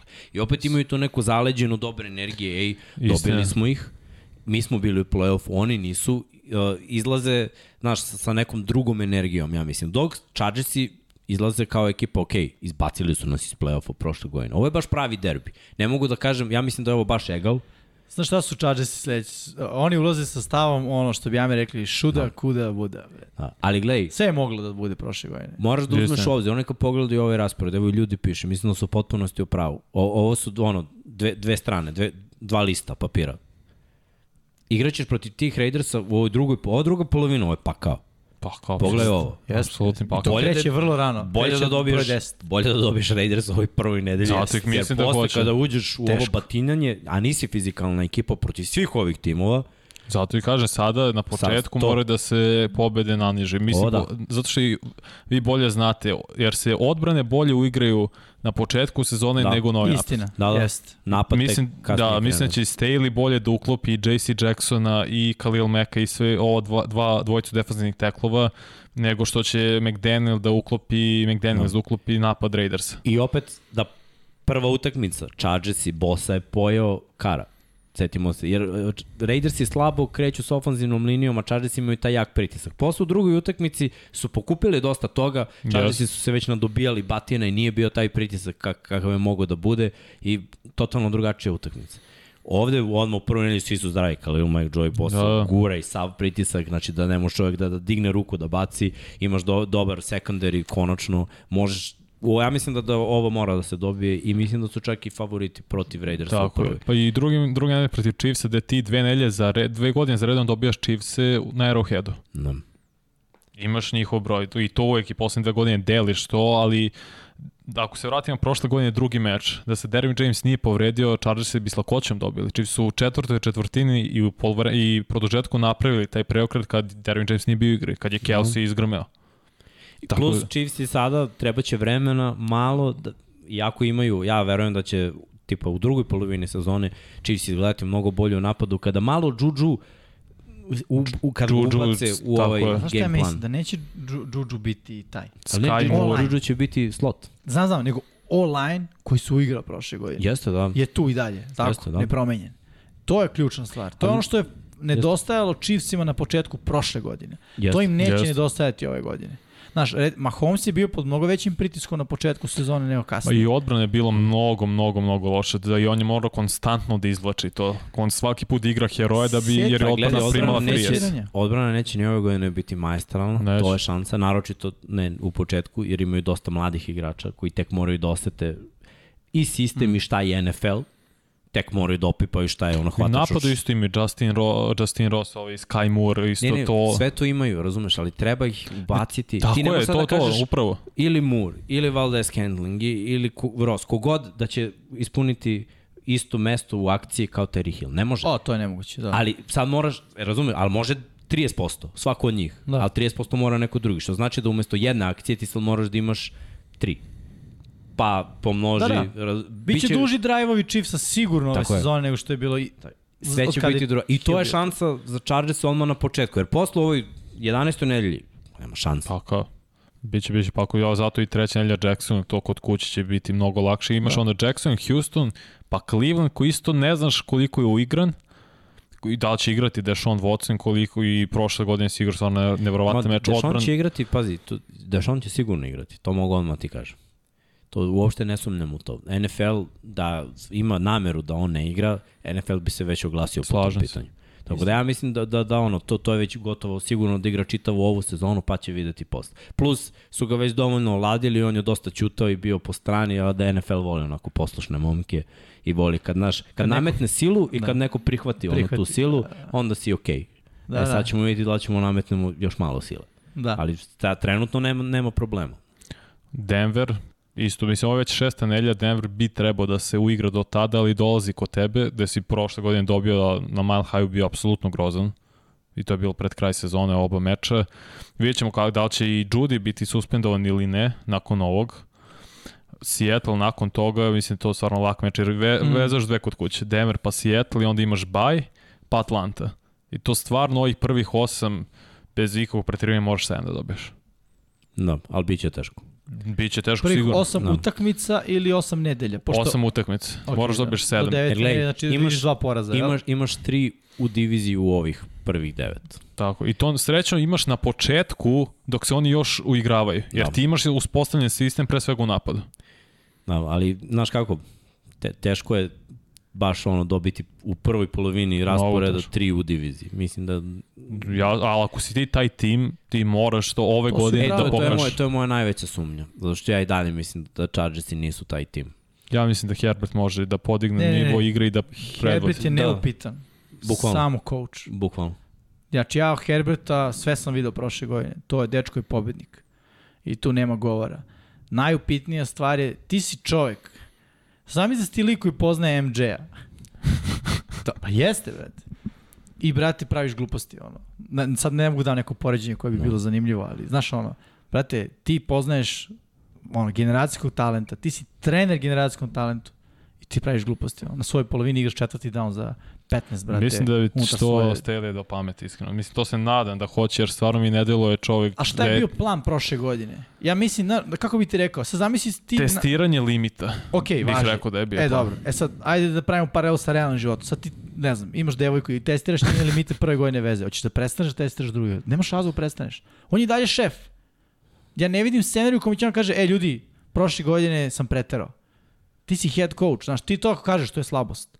Mislim da on neće ići tim putem. Mislim da je on taj tip koji će sledeće godine dobiti otkaz na kraju sezone. Mislim da je odbrana ključ i kako će na, i da li će moći, mislim da će moći napokon fizikalni da igraju na liniji skrimidža. Da. Defanzivna linija pre svega. E sad pogledaj ove ekipe. San Francisco... Raidersi su malo, Raidersi su malo mm -hmm. izgubili, da ostanemo da, još da, da. sekund na ovom prvom. Raidersi su malo izgubili po mom mišljenju tu fizikali u igri trčanja, ali su prošle godine pokazali da mogu. Mislim da ove godine neće biti lako. Od svih ovih drugih ekipa ja sumnjam da možeš Cleveland Browns da limitiraš sa Dešonom Watsonom, da ih zaustaviš čaba. Jer ako sve gurneš u boks, ubiće da daš loptu. Mm -hmm. Moraš da, da malo raširiš odbranu, a to nikako nije dobro kad imaš čaba. Mislim da, da je to problem i Denver isto sa Javonteom Williamsom, ali dobro, to su tri utakmice od devet. Ove ostale ekipe ne mogu da uspostave tu fizikalnu nadmoćnu igru protiv Chargersa. I to je dobro u prvoj polovini. Da, da. Ali odmah u toj desetoj nedelji ti dolazi to, ekipa koja će ti dominirati. E pa da, sad šta je, to, je to ne fight. znamo, da, ne znamo kako će da izgleda Trey Lance.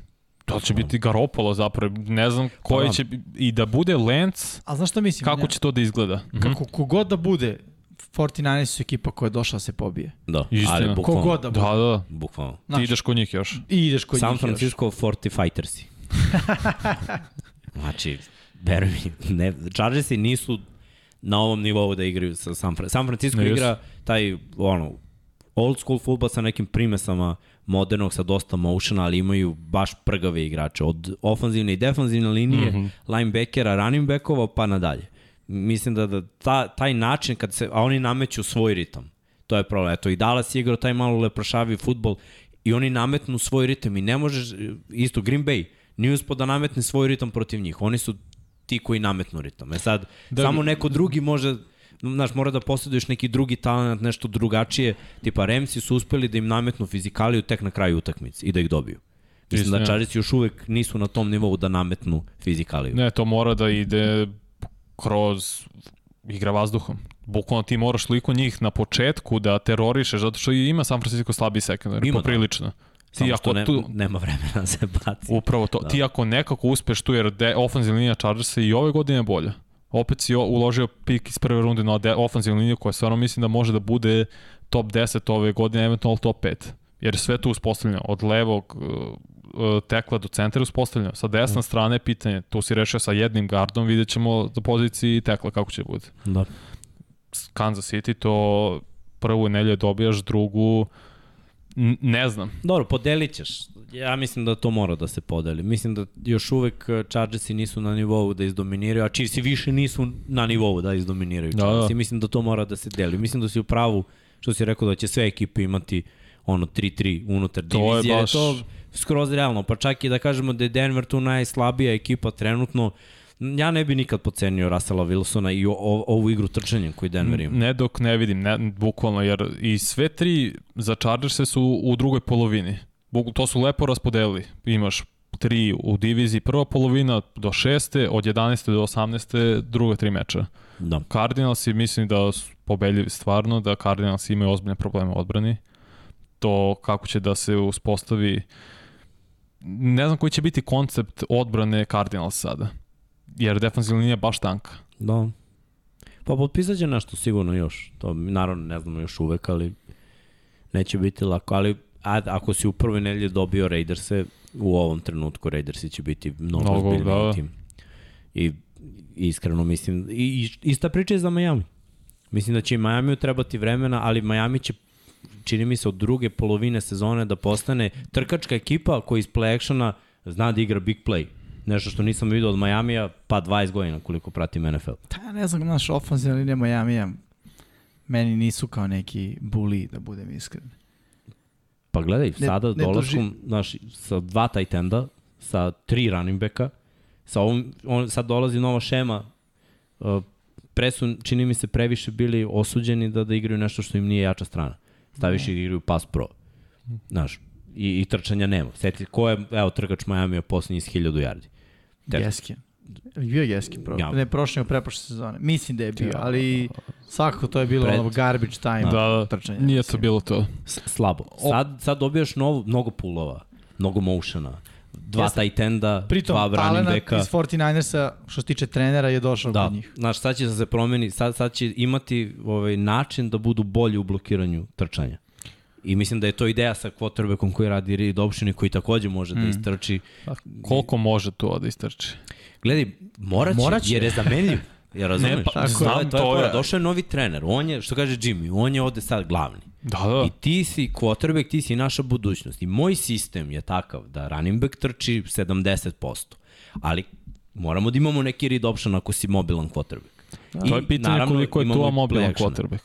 To je pitanje koliko ali vidi, je, tu je bio će... na koleđu mobilan, na NFL-u nije. Vanja, To će se od njega tražiti. To mora Da. biti njegova komparativna prednost. Preciznost? Nije. Tako je. Snaga ti- ruke? Nije. I Jesi pocket toliko. kube, ćeš biti Rodgers i Brady. Nećeš, Nećeš. onda bar budi Onda malo kao. Deshaun Watson, malo Jest. ko Lamar, Mislim malo da je to Russell. i glavni zapravo imana Majamija. Najveća slabost jeste i ispostavit će da će biti tu. Koliko god Ali ti oružje da imaš, znači, Vanja, znaš zašto? Ti šemom njega možeš da staviš u dobru poziciju, znaš. Ti od njega ne tiš da tražiš da bude Derrick Henry. Mislim, znaš, niko normalan kao trener to ne bi radio da tražiš svog quarterbacka. Čak i Lamar ne igra takav futbol. Da. Lamar uvijek ima dva ili tri lead blokera. Tako Ne, je. ima- I drugo, ima option. I treće, ako option bude zatvoren, Lamar je slobodan. On istrči 6-7 yardi, šta uradi? Ukliza. ma Ne, ne, mogu da- poredim Lamara, to je takva Ne, ne, ne, brzina. Sve si, ne, sve si ti u pravu, ali hoću ti kažem da šemom možeš da ga staviš u dobru Ne, poziciju. jasno je samo i ofenzivna linija San Francisco i Baltimora, ako već poredimo, su mnogo bolji nego Jesu. ofenzivna linija Majamija. Ali kažem Kako ti, će to da I izgleda? opet imaju sad tri različita talenta. Mostert je uh, special team returner, tako je ušao u NFL. Eksplozivan znaga i San Francisco. Sonny Michel je ka, ono, klasičan prvi, drugi down back. Tako je. Razumeš, na sve to dodaš third down backa u vidu Edmundsa. Znaš, baš, baš im je krcat backfield, Ne, ne, mogu da igraju i su- sa dvojicom. Oni su copy-paste Sara San 49, Francisco, oni da. prave 49 šemu. To će biti ono fizikalija, bukvalno u, u mesec dana, u pet nedelja, igraš protiv dva San Francisco, jedan se zove Miami. Tako je, Jedna vidi, je light verzija. ono što mogu da ti kažem sigurno to je da će Gesicki postati sjajan bloker. Da. Nema govora.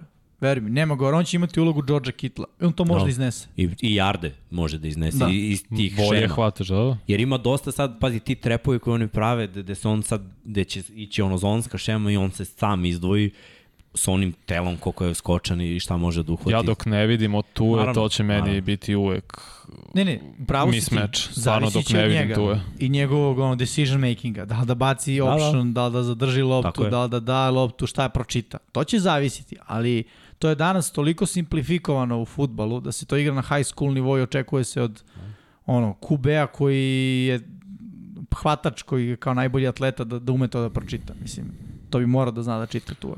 I Tenis- opet gledaj, dolaziš do ovoga. Dolphinsi potencijalno jako, jaka trkačka ekipa. Tennessee isključivo trkačka Jeste. ekipa. Coltsi, Coltsi. vrlo jaka trkačka ekipa sa konstantnim je. quarterbackom koji može da baci svake godine 4000 yardi. I, do, znaš, to su ono tri utakmice, run, run, run, run i nakon toga ti idu Remsi koji... Koji su- mogu da budu trkačka Da. ekipa, zavisi od to kako će ovaj, da. kako se zove McVay. McVay da, da se da, probudi. da se probudi tog jutra. Jeste, i onda ajde Denver koji je isto fizikalna ekipa. Da. Javonte, Yes. trči jako. Ovaj finish, ovaj finish je baš Jak. ono... I gledaj, To, uh, odbrana Chargersa od ove devet, desete nedelje, da kažemo. to je ključ. tu mora da ostane zdrava. Jeste, e, jer da, to, da. to ti je iz nedelje u nedelju mnogo, mnogo udara. Jer ti kad udaraš, evo zna Jimmy, ti kad udaraš, povređuješ se možda i više ne- ne- nego ovaj koga udaraš. A moraš da baš strvine biješ. San Francisco, pa da udariš i Dibo Samuela, Jeste. znaš, ono, Tank. tenke, pa zamisli sada izlaze ti Kittle, Juščak na blok, znači tu Jeste. dobiješ Biće, biće udarac, pakao. Mitchell trči jako, ofanzivna linija Telema, pa malo preskočimo pa dođemo ovamo do, do Majamija gdje i dalje ima fizikalije, pa Tennessee koji isključivo bije, Kolci koji biju, i onaš, Remsi mogu da kažem da imaju dobru ofanzivnu liniju, ali mislim da će njihov game plan ovdje. Ovo će biti ono borba za LA i Da. bit će prangijanje, to je moje viđenje. Da, da, da, si. Mislim da, da će se rašire u spread jedni i drugi i da će bude ono 50-50. Da. Ne, slažem se, jedno čekam taj meč. Da. Uh, Ajde Vanja, pobede, porazi. Pucaj. Tvoje mišljenje. prvih Raiders i pobede, Mhm. isto Chiefs. Mislim, da se ne lažem, ja sad imam prvih 8, 8-0. Dobro. Znači do 9 nedelje su 8-0. Dobro. okej. Uh, ne, reći 7-1, iskreno ne znam za Cleveland, jer mislim da je Deshaun, gledajući pitaš prošle... za Cleveland, ne pitaš za Chiefs. Svaka Ne, čast. zato što Chiefs je dobio dve godine za redom na Arrowheadu. I bi, do, izdominirao si ih. Treća sreća za Chiefs. Vidjet ćemo. Mislim, i dobio bi oba puta Chiefs se prošle godine da se De- Derrick James nije povredio. Za Cleveland, zašto mučio si se prošle godine baš zbog čaba i svega toga i dobio si da što Mayfield nije bio sposoban da doda jednom kako treba. Ti si zato pobedio de facto meč, što je Herbert bacao pombe, a ovaj nije mogao da dobaci do, do svog hvatača. Samo da znaš, puca četa od tvoje prognoze. Dobro, 7-1. 7-1, Okej. 7-2, 7-3 do Chiefsa, znači sad Card Cardinals 8-3, 8-3. 8-4, Dobro. 9-4, 9-5. 9-6. I ovaj posljednje dve će biti pakao. 9-8 ili 10-7?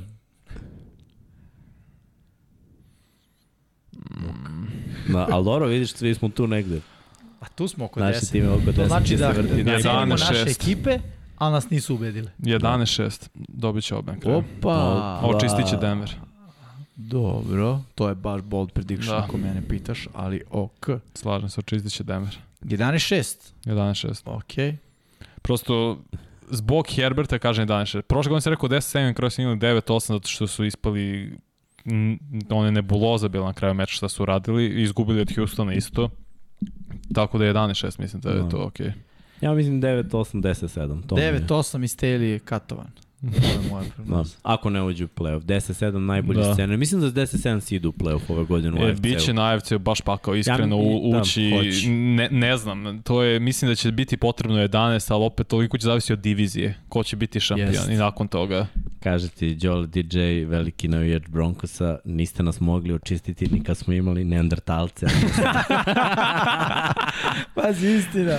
Ima. Nema šanse, ja mislim da je tri, da, da ovaj, se dele sve, znači Mm, gubi se tri i dobija sve u diviziji. Tako da na kraju to je taj, ta razlika 10-7 u scenariju, Pa što da. se mene tiče. Mislim da, da je ekipa Remsa uh, pobediva u, u toj utakmici, jer Slažem se. Uh, Kad, Chargersi kad igraju protiv takve ekipe mogu da dobiju. Ne mora da znači uvek, kada prošle godine, setimo se na primjer protiv Bengals, leglo im. Ali ove trkačke ekipe, seti se Baltimore, te trkačke ekipe Zato im baš ne mislim leže. da će odbrana, mnogo je bolja odbrana, mnogo je Jeste, fizički ima i impozantnija. Sa dođe Mekom, kraj priče, Ti si teže rešio, se trči. Yes, ti si 30% bolja ekipa protiv trčanja, Tako samo je. Meka dođe. Tako je, baš to. Ako Baš ne to. i više, ali ajde, Mek je stariji, pa kao ono, malo dodaj, malo oduzmi 30%, sigurno bolji protiv trčanja kad je on tu. Da. Dobro. Ovaj, prošli smo i to, da još jednom pozovem like, subscribe, to bar da dođemo. Čekaj, čekaj, imamo mi ovdje takovanja. Imamo, imamo. Je. Hercegu- Opa, ne, ne znam da imamo, aha, nego ja ovako aha, malo da okej, udarim, da s obzirom da smo, da smo sati 15, teo sam na sat, Treba. ali ima, ima, Sad ćemo Znači, like. dođemo do 200. Like, subscribe, ajde ljudi, pucajte miksime brojke, koliko je ljudi u live-u, koliko imamo lajkova. Evo, evo, odmah skače, evo, 160, Lajkova? A koliko ljudi? 100, ne, ne, 103 lajka, 103 lajka a 158 u live. u live. Dobro, to je lep odnos. Bravo ljudi. Tako je, tako, evo 103, opa.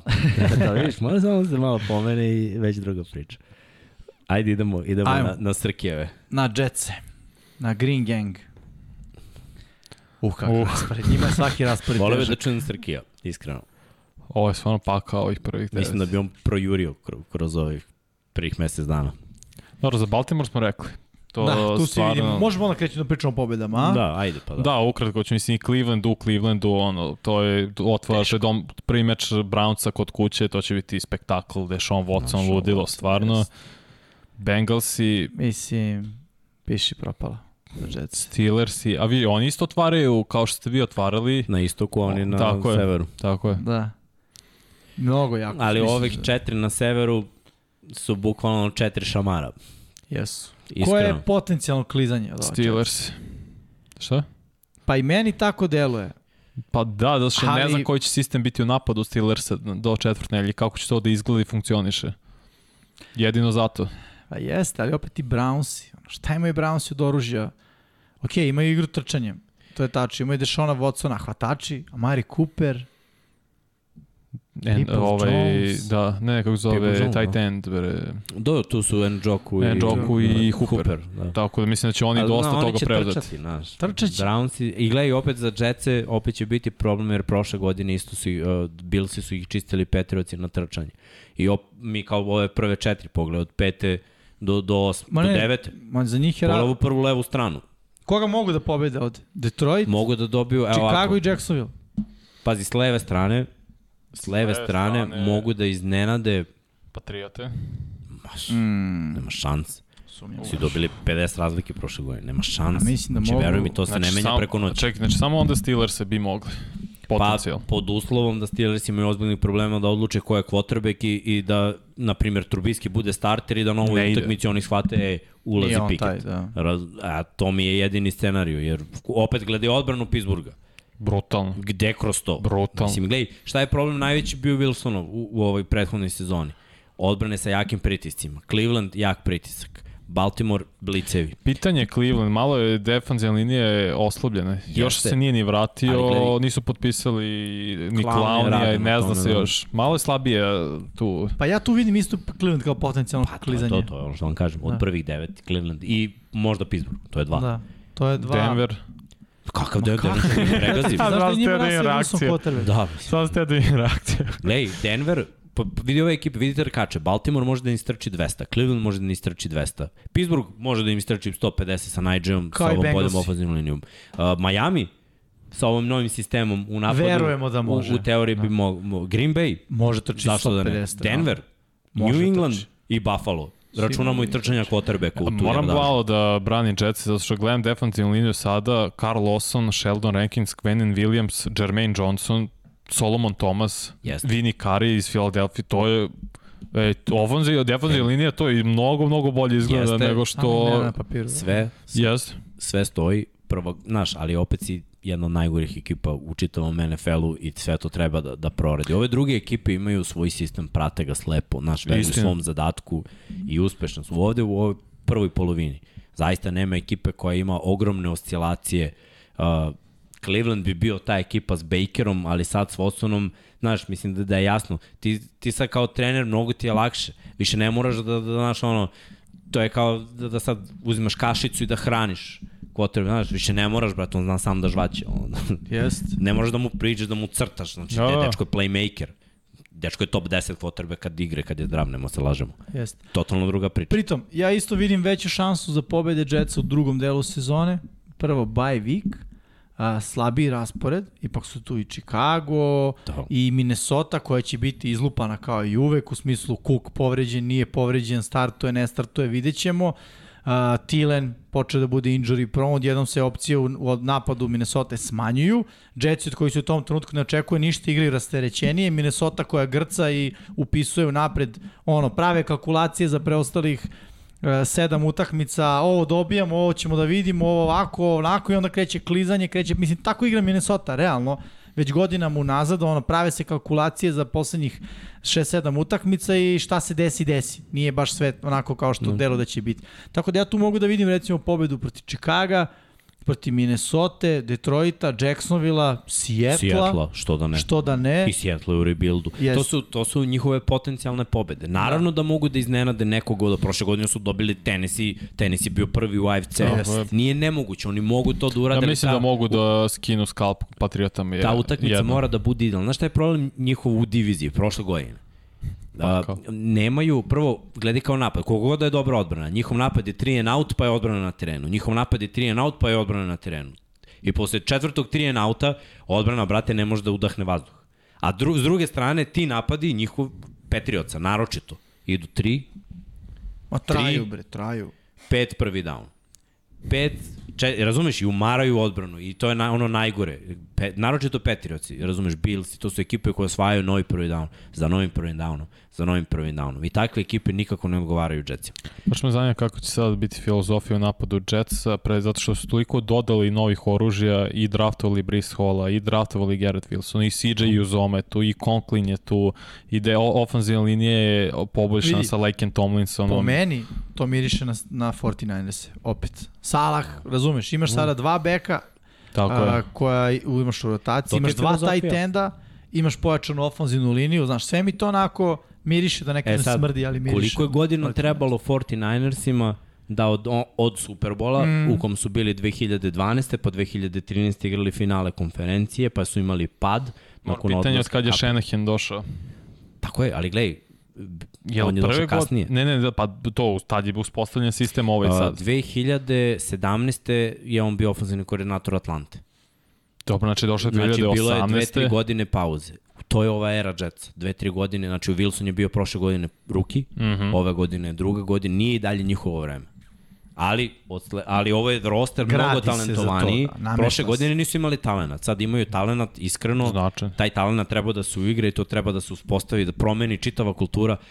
Pazi, oni pet utakmica, po mom mišljenju, je maks koje oni mogu da izvuku da dobiju ove godine. Ja, I to mislim, je sve u ovoj drugoj polovini. Da, da, ja sam prebrao šest kao plafon, što Isto. nas dovodi do toga da je 4 ili 5 da. realnija priča. I to će biti klanje sa ovim ekipa. Baš ono, Problem Chicago, to- Detroit, da. Jacksonville, Seattle, to su on četiri. Mislim, oni i Chicago će biti u sličnoj situaciji u ovom trenutku u sezoni. Mislim da su talentovani od Chicago poprilično. Da, jesu, mislim, jesu, znaš, ali aj vidit ćemo promene u Chicagu. Naš Mislim- novi coaching staff. Mhm. Teško im pada ovo što idu na AFC Sever. Mislim da je to zapravo i najveća boljka u, čitavoj, u čitavom rasporedu. Da je neka druga, da AFC i, i Jug, na primer, Uh, pa Jug je najslabiji u FC-u. Da, ubedljivo. To Ne, ne, ima- ne, ne, znam, ima- znam, zato i kažem da je umesto severa da su dobili jug. Misliš Pa na da. Berse? Ne, ne, ne, ne, Ne, a, ne, ne, na, na Na Jets, Jetsu? Da, da, da, da. zato što počinješ sa ono s paklom. Da. I Ma to da je gledaj, problem. opet dobili su sever NFC-a da imaš Chicago i Detroit. Ali opet, Jeste. i Chicago i Detroit neće biti laka ekipa z- za pobediti. Detroit je ekipa koju smo videli prošle godine, mali broj pobjeda, ali moglo je više. Jeste. Moglo je, Znaš. šest lako. To, to je ono, gubili su od ozbiljnih ekipa na jedan posjet na neiskustvo, na glupost, na ono. I oni nisu imali playmakere i oni su se nakrcali talentima. Ovo će biti derbi začelja, 15. nedelja, to ono, treba pogledati, to zbog Srkija treba pogledati. Ali iskreno mislim da će tu biti ono, pazi, Salah s jedne strane i Campbell s druge. Dve ložane, jedan protiv drugog sa mladim timovima u rebuildu. Ovo smo trebali da izdvojimo ovu utakmicu. Kao ono, treba pogledati. Iskreno. Možemo pređemo i na Team Dom Pablo, pa ćemo Ajde. da na najbolje Vegas, Las Vegas Raidersi. Mislim da će biti jako zanimljiva ekipa ove godine oni. Za, Biće za on, ono što mi isti, upravo pada na oko je uh, bye week koji je mnogo rano. Šeste Da. nelje. To je ono što pričam, ti u šestoj nedelji kad odmoriš, posle moraš da guraš, ali pazi, ti odmaraš u stvari u oktobru. I posle imaš ono, ostatak oktobra, ceo novembar, ceo decembar i 18. nedelja se igra u januar, prva nedelja januara. Da, Da. Tako da uopšte, znaš, mnogo je, i sve je hladnije i hladnije, pola igraš kod kuće u hali, ali dosta utakmice ne Pa igraš. dobro vidi, posle nedelja, Cisco, uh, Pa toga Chiefsi- Pittsburgh do, na. Chiefsi, duše, u, to je u Vegasu. Da. Da. Pittsburgh je u Pittsburghu, po zimi to je pakao. Da. LA, uh, šta gore, Seattle, isto grozno. Denver je cool. Pa, Jacksonville je cool, Saintsi su kao. u dvorana. 11. nedelji Denver je cool kao hladno. Ne, ne, ne, ne, pa nije, grešiš. Pa Mi- kažu Nikola nije planina. Ma da, ali nije Colorado, ono, nije Colorado kao Seattle mi je gora opcija, realno. Kiša i hladno. To da, apsolutno. E, Nije moram- Colorado toliko ono leden, mislim, Denver. Moguće, da ne znam dok znam nisam bio, nego znam ovako Ja kad radim neku da utakmicu pa ono kao kraj novembra sneg, visina je pa I to jeste, da. Imamo ovde pitanje šta je sa Dom Pablom, da li je sve okay, sve je okay. Pablo je na zasluženom odmoru, Godišnjem odmoru od godišnjem nas. odmoru, ali njegov godišnji odmor traje godinu dana. Tako da treba, treba malo i Pablo da, da od, preuze Pablo mnogo ovde uloga u Infinity Lighthouse da. organizaciji, uglavnom sve što se tiče nabavke, svega što, što, što je iza nas i knjiga i majica, bedževi i svega što je još u planu ide preko leđa Dom Pablo. Tako Bukvalno nosi bez. Su je. to leđa, ali... da, da, mislim ono, nosi ekipu kao Derrick Henry, ali mora i on malo čovjek da odmori. Jeste, jeste. Ali ajde da, da ovaj, se malo bacimo dublje u ovaj raspored. Chargersi, to smo već se dotakli. Po meni to ono može da ode u oba smera, ali ja ono, mislim da su Raidersi veći favoriti. To je moje mišljenje. Malo smo već pričali Wow. meču. Da. Dobro, nedelja. Cardinalsi, Glej, u ovom trenutku Cardinalsi bez DeAndrea Hopkinsa opet da. Igraju protiv Raidersa koji imaju sve svoje igrače. Pričamo o idealnoj sceni, znači da su svi zdravi, ovo je suspendovan i to je to. Jednostavno, bolji su u ovom matchupu, po mojom mišljenju. Rano je, rano je u sezoni i mislim da da opet Raidersi će cele godine imati ta krila uspeha prethodne godine. Uh, mislim da je da im je sistem mnogo bolji, da su mnogo talentovani i da, da ovaj dolazak Devonta Adamsa menja sve. Ovo je godina gde gde Derek Carr, bukvalno do, doveli smo ti najbolje hvatača, hoću Mora pokaže 5000 da je vidi, ovo je isti onaj pump koji su imali kada je došao Antonio Brown. E sad, zbog njega kakav jeste, nije se desilo Da. da. sve to, ali je bio upliv nenormalne energije Da. pozitivne kad je on došao. Ne, ovo je idealna prilika za Kara da se uspostavi kao legitimni top 10 do top 10 do top 5 quarterback. Jer sad nemaš izgovor, nema, ima i Waller je tu i dalje i pored naravno Davante Adamsa koji je došao, vidjet ćemo sad kako će da sistem McDaniels uspostavi. To je glavno pitanje. Ko će biti opcija i Hunter Renfro, da ne zaboravimo. Da. imaš tri ozbiljne hvatačke opcije. Sa kako će igra trčanje da biti? A da, igra da. trčanje će biti, ono, moje mišljenje je, ono, Patriots way, znači tri beka rotiraju. Oni su draftovali rani beka, tako? I Waller će, da, Waller će igrati ulogu totalno drugačiju iz prethodnog playbooka. I on mora se prilagoditi. Da, ali njemu je lakše da se prilagodi mm -hmm. u, u ovom sistemu. S obzirom da, znaš, sad će igrati samo protiv ako je blizu linije, ako je u 3 point stansu. Biće više taj ten, definitivno. Tako je, ali onda igra protiv linebackera od kojih je i takako sposobni i brži, i okretni, skočni. Da. Znaš, ono, ima atribute koji može da reši s te pozicije, Renfro u slot, i iz polja Devonta Adams. I mislim, i kog otrači face s druge strane, nije ni važno, on širi teren, skloni safety-a i to je to. Mislim, stvarno Raidersi imaju talent i ofanzivno i defanzivno ove godine. I Arizona je u stvari taj matchup koji njima odgovara. E onda dođemo do tenisa, tenis je ta ekipa koja je opet fizikalnija, igra se tamo, to je problem za Raiderse, u Nashvilleu mnogo bolje igra tenis I ovo je ono, pazi ti, tenis u prvih par nedelja, koliki li je motiv Derika Henrya, a da, da smo rekli koliko je nosio ekipu na leđima, ako je ikad nosio sad, nakon odlaska Davisa i Browna sa Tannehillom, koji ono...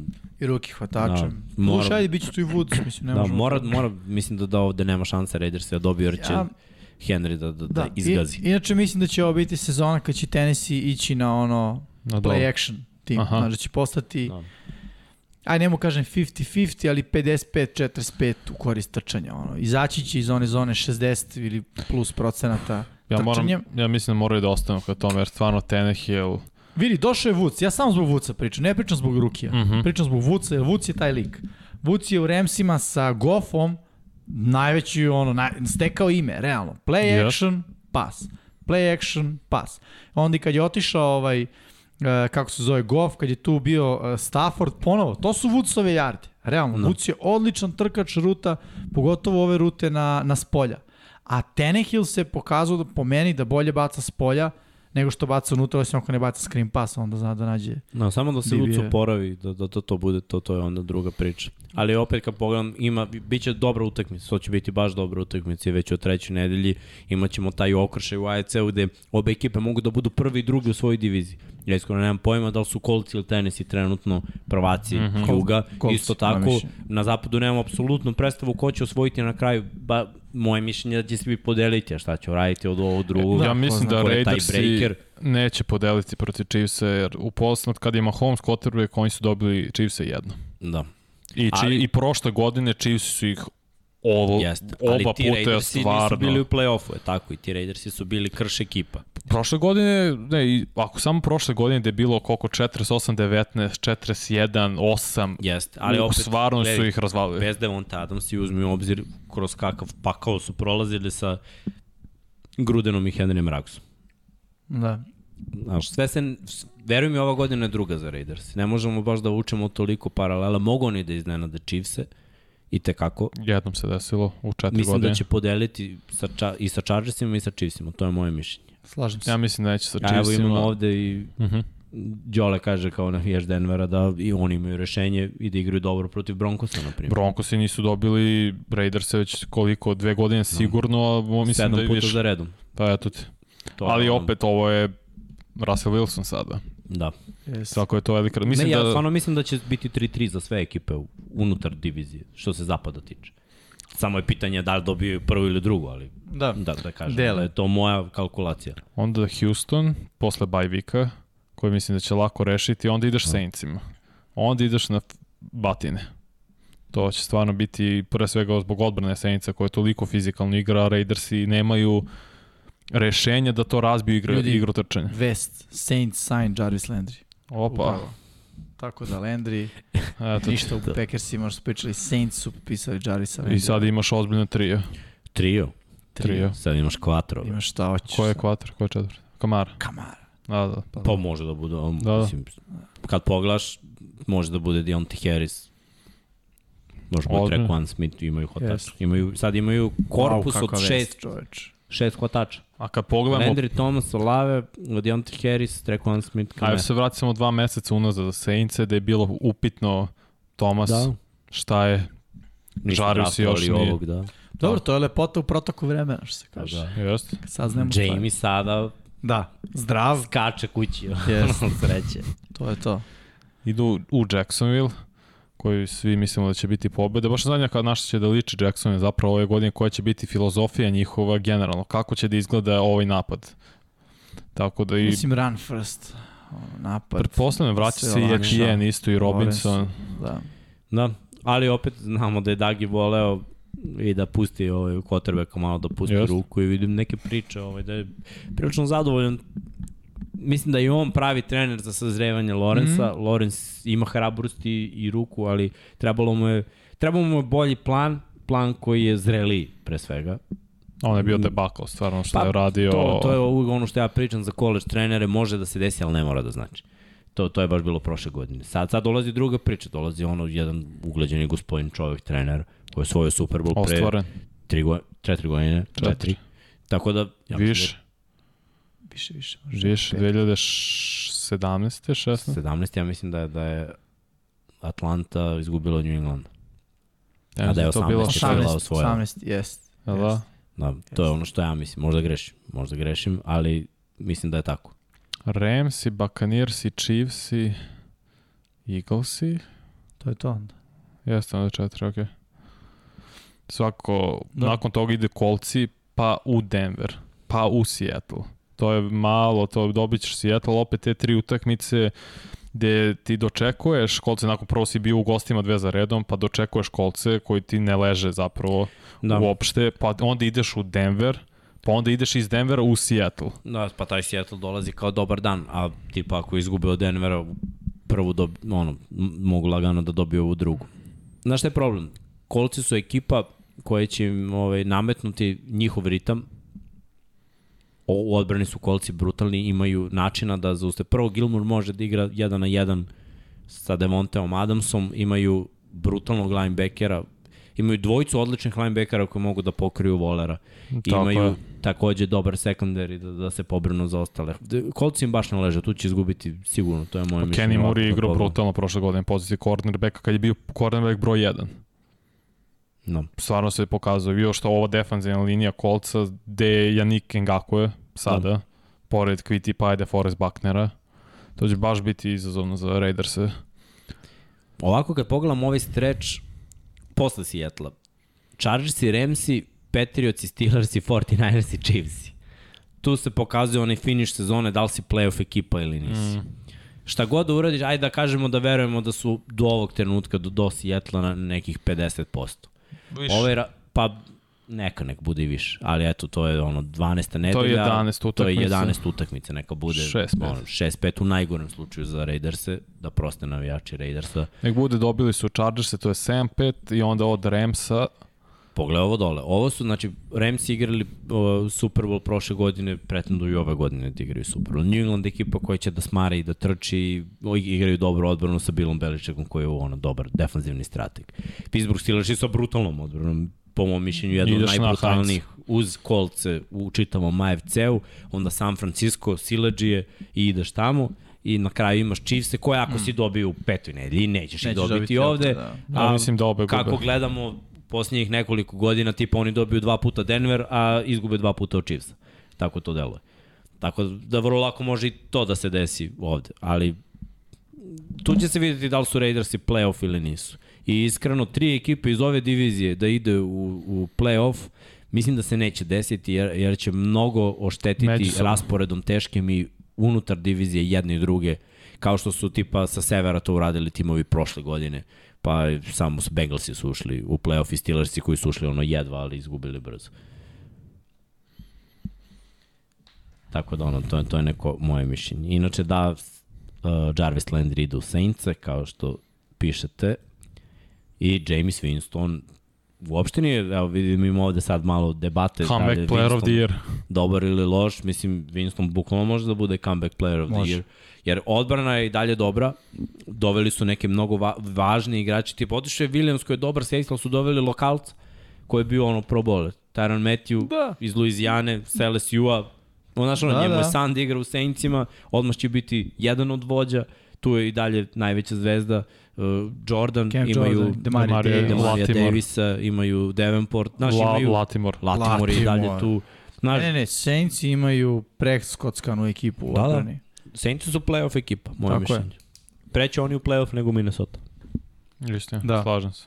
Iako imaju slične situacije u diviziji, gde je jedna ekipa bolja od njih i dve ekipe loše u rebuildu. Sad je to upitno, znaš. S druge strane, oni su dobijali tampu. Mm -hmm. Minnesota da. nije mogla Zato tako lako... Zato sam ti rekao danas kad smo pričali o tome koje utakmice da izdvojimo, da, ne znam, moramo da izdvojimo Senci i Tampu. Jest. To je ono, baš derbi bio, iako su utakmice bile loše, ovaj, i dalje je velika priča da li Brady koji je ono svoj jedan Super Bowl igrao dobro u, u play-offu, da li može da dobije Saints. Jer ono što smo videli posljednje dve godine je 0-4. Mm. A od tad 0-4, jedan je bio, De, nije bio shutout. Je bio shutout? 9-0 shutout. I bio jedan blowout. Da, da. Pre dve, pre dve godine. No. Ali Tom dobio playoff. Tako da ono, ima neka težina tu. Ima rivalitet, kad si već pomenuo Masi, utakmice to na brzinu, pa ćemo još nabrati. Mislim, Bills Nismo rekli kako vidimo skor Raiders. Mhm. Mm -hmm. to bi mogli, ono, otprilike. Ne znam.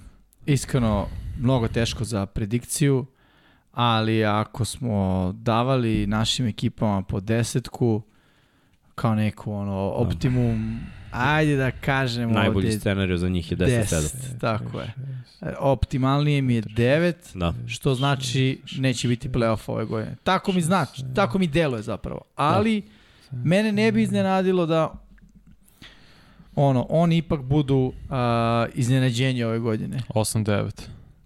Uf, no. ti si ih baš... Da, evo, pa evo pa mora da bi ušli u play-off. ne, evo išće ti redom. Poraz od Chargersa, dobio Cardinals. Ja, ja. ja. Gube od Tennessee. Ja to ne vidim, ali okej. Okay.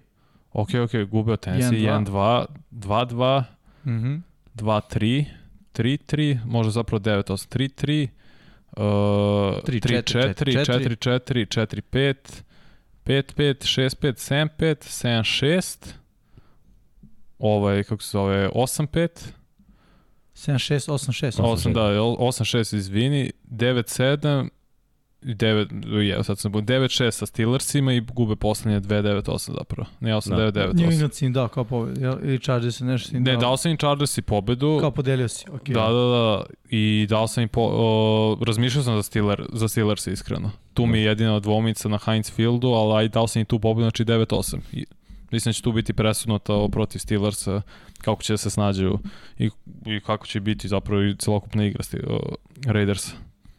Da, Ja mislim da oni tu mogu da iznenade par ekipa, a, pogotovo u ovom drugom delu sezone. A i prvi deo po meni, ono, da kažem kao ne pobedi meč sad u ovom trenutku mi deluju Saintsi, nakon ove informacije, stvarno, i Chiefsi.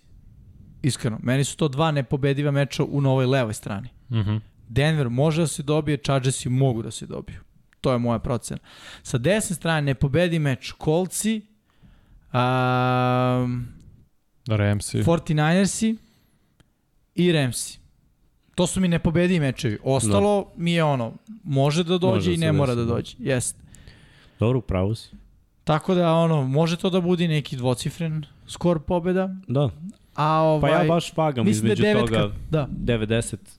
ako ulaze u playoff, mislim da ulaze kao sedma ekipa, u playoff i mislim da će to biti uspeh sa McDanielsa kao ono prva sezona, sklapa se ekipa i dalje imamo da kažemo taj nalet mladih igrača, tako ne, ne vidimo se kao neku veteransku ekipu. Pa da, nisu.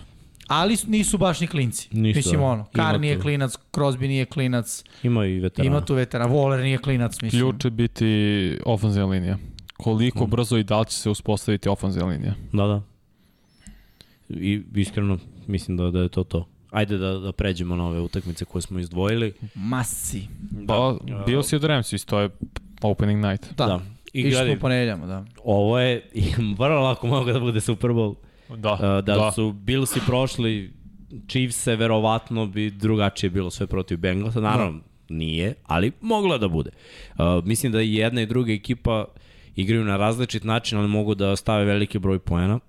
Billsi mislim da imaju najbolji roster trenutno, Ramsey dalje biće to dosta u igravanju, dosta igrača su izgubili nekih važnih igrača i dalje tu postoje neke nedoumice šta još završiti u ovom free agency jer od drafta nije bilo ništa. Mislim da su Billsi, da će Billsi prosto o, oštrenije ući ovaj meč. Pa Mnogo... Pa gledaj, Billsi imaju ajde ovako, izgubio si od Chiefsa zato što su oni prvi krenuli u napad na produžetku ni, i ovo nije bila tvoja godina. Je tako? Dolazi ti zvanični šampion. Mora. To jest ne dolazi ti ideš ti u LA, da, Da, igraš da. protiv zvaničnog šampiona. Znači na mestu, na poprištu igranja Superbola, igraš protiv zvaničnog šampiona i želiš da dokažeš da je ono, ovo tvoja godina. Gde ćeš bolje? Vidi, šta ja vidim kao negativnu stvar za Bilse, uh, promenjena OC. Mislim, Da. da. koliko god da o tome ne pričamo, to, to mora da se kaže.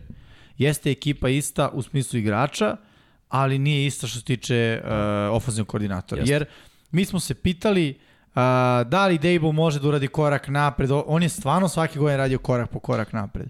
Možda je delovalo u određenim trenucima da to nije dovoljno velik korak, ali kad sad sumiramo ceo taj period, koraci su bili sasvim dobre veličine. Sad smo se složili. Prošle godine bi oni ušli u Super Bowl da nije bilo da Novčić Da. da. nije, nije rekao drugačije. Mislim, tu smo ih videli. Jeste. Svakako. I odbrana je zakazala, Jeste. ne napad. Rams s druge strane, nema OBJ-a. Realno. Nema, ne. Pa, Nema ne vuca.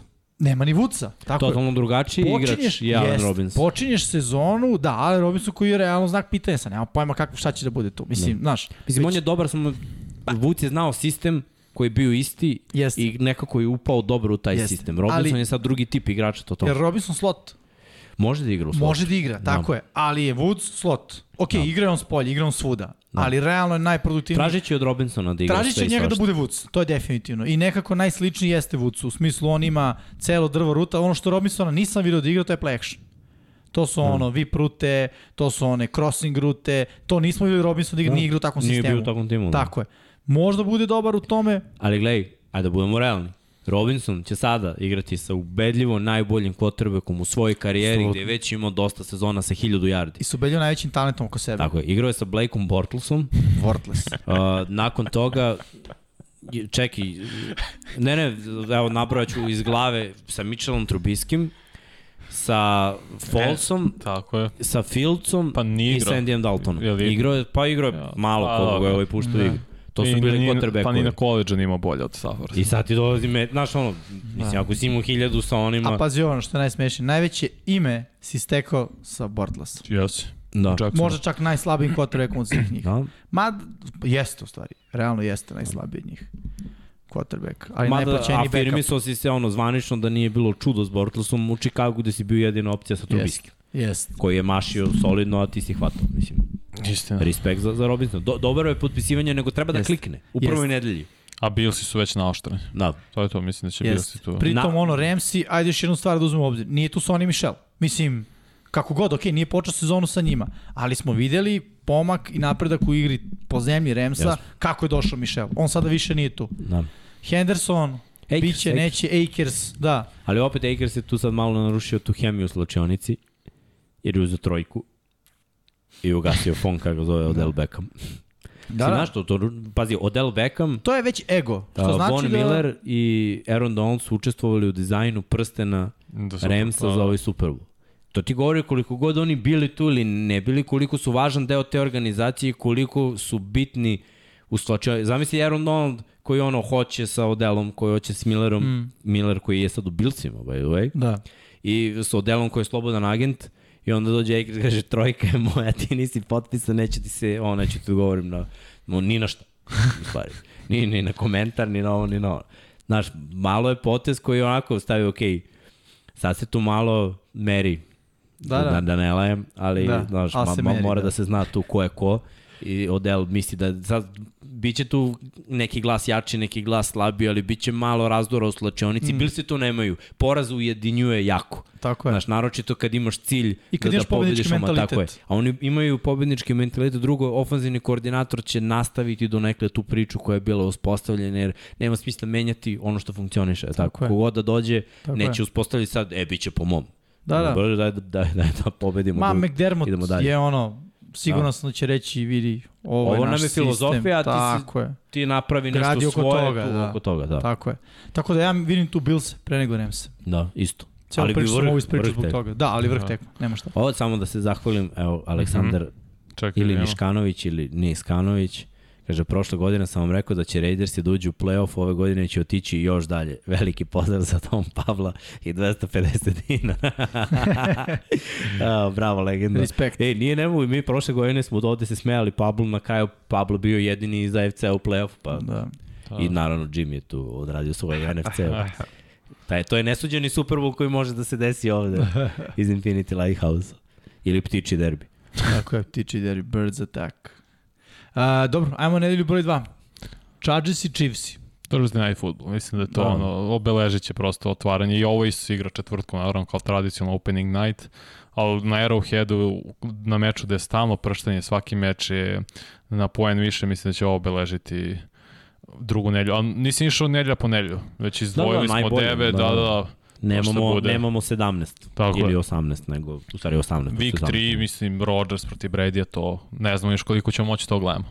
Pa, verovatno, posljednji put. Verovatno, da. Možda vidimo još jednom u nekom u finalu konferencije. Da, da. da. Ali mo, mora, prosto moraš da gledaš to. Baš to, baš to, jaka tekma. Da. Ajmo dalje. Week 6, Billsi protiv Chiefsa. Repriza. Mora. Repriza. I to opet na Arrowheadu. Da. I da. ovoga puta... Ne, ježa sam samo tu pomislio. Jaka tekma, jaka, jaka tekma. Jaka utakmica i mislim da ovoga puta će stvari da, da će univerzum biti izbalansiran, da, da Billsi ono, pobeđuju ovo. A, Ramsey protiv Buccaneers u deveto i to je opet repriza divizijske runde NFC-a prošle godine gde se ništa nije znalo do poslednjih sekundi. Do magije Cooper Cup. Da. da vrh, ovo je isto jako važno. I opet jako važno je za Bakanirse, zvanični šampion, a oni su prethodni zvanični šampion. U principu ova utakmica je utakmica dva posljednja šampiona u NFL-u. Uh, inače, da, da. dve ekipe iz NFC-a koje je slabija konferencija. Da, zanimljivo. Mnogo toga je na pa ulogu tu u devetoj nedelji. Ima logike, ovi u AFC-u se pobiše dok dođe do da, da. Superbola i onda dođu kljakavi, a ovi su u fazonu to okay, je to. da idemo, idemo lagano. Da, da nedelja broj 11, 49ersi u LA-u protiv Ramsa. Monday e, Night Football. Da. Definitivno da. možemo da izdvojimo neke ekipe koje nas ovde ponavljaju, koje svakako da, da. vidimo kao favorite. Pa bilo ih je mnogo, da, ali opet to su ekipe, to, to su stvari najveće utakmice. Ili je u diviziji ili je repriza play-offa mm. prošle godine ili smatramo ili ako oba. su iz različitih konferencija da može bude Super Bowl. Da. Kao na primjer uh, ma, malo pre što smo videli u prvoj nedelji Bills i, i Rams. Mm -hmm. To vrlo lako može da bude Super Bowl i ove godine. Jest. Dok 49 i Rams godinama igraju brutalno jedan protiv drugoga. Divizija. Da, da. da. Prošle Oznaju godine isto u play-offu rešeno. Jeste. Dva mlada trenera, dve filozofije koje se onako ustaljuju s jedne i sa druge strane i ono, e, krcati talentom u odbrani pre svega, u napadu onako čvrsti u, u, u tome šta žele da rade. Svako svoju filozofiju Svako ima. svoju filozofiju, jeste. No. I u sklapanju ekipa svako svoju. Da. da. I uspešne su obe. Yes. Tako, jako su potpuno različite. Jedni draftuju, drugi plaćaju. Plaćaju, tako je. No.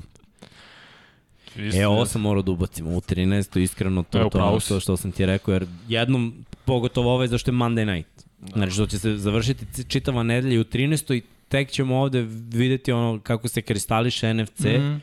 i mislim da je za Sejnce nekako teže i bitnije da se ovo dobije, jer će, ja mislim, oni moći da napadnu to prvo mesto ako odigraju opet dva puta i očiste Buccaneers. Pazi, Baksima i Packers i Ramsi dolaze na Floridu. Da, Naravno i Saints jedno. Ne mora to uvek da bude, naš, dobra za, za Tampu. Tampa neka dominira, mislim inače imaju dobar procenat od kad je tu da, Brady, da. ali protiv nekih, na primjer, Chelsea su ih odučili o futbola baš dve, na da, Raymond da, James stadionu kao i Saintsi. Obe godine. Jasno.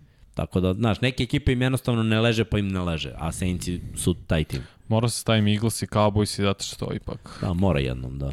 Gledaj. Ovo možda odluči diviziju. Da se da, razumemo da Fila obezbedi krunu sa ovom.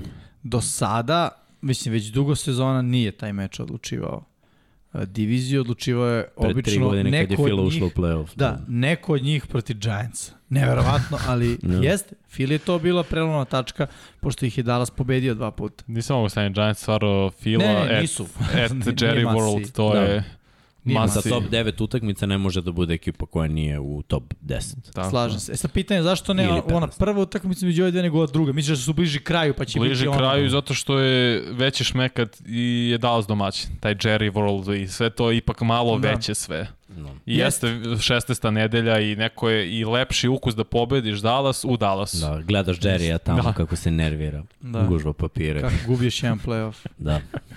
I poslednji što su izvojili, ali ima mnogo meča, stvarno, mislim, Baltimore, Bengals i ovo isto može da odluči diviziju u posljednjem kolu. Da, I mislim ako da hoće. bude sve išlo u tom smeru ili može da bude ono, još jedan, još jedno lako čišćenje za Bengalse, mada eto, Ruku na prošle srce, godine moram je. da uzmem u obzir te silne povrede. Baltimora. Da. Mnogi ljudi zaboravljaju koliko igrača zapravo nije igralo, da, Nisi da je to bio dvocifreni broj. Bukvalno nisi imao Ma secondary. nisi imao backfield. Tako. Nisi imao backfield, nisi imao secondary i pričam. ofenzivnoj liniji, nisi Mislim da će biti igrača. baš dru- druga priča ove sezone. I u defensivnoj liniji nisi imao takođe dva igrača. Tako da baš je bilo mnogo u ovaj u jednoj sezoni da se desi Ravensima, a Bengalsi kao zvanični prvaci AFC-a imaće nekoliko ovih važnih utakmica. I, i za njih op opravdati tu ulogu Tako je. favorita nakon jedne dobre sezone zapravo. Znaš, oni mogu da budu ono van and done uspešna ekipa Jest. i da ne uđu tipa u playoff ili ako uđu talentovani su, imaju dobar roster, sve je to okej, ali prošle godine su igrali raspored kao jedna od najgore plasiranih ekipa, zar ne?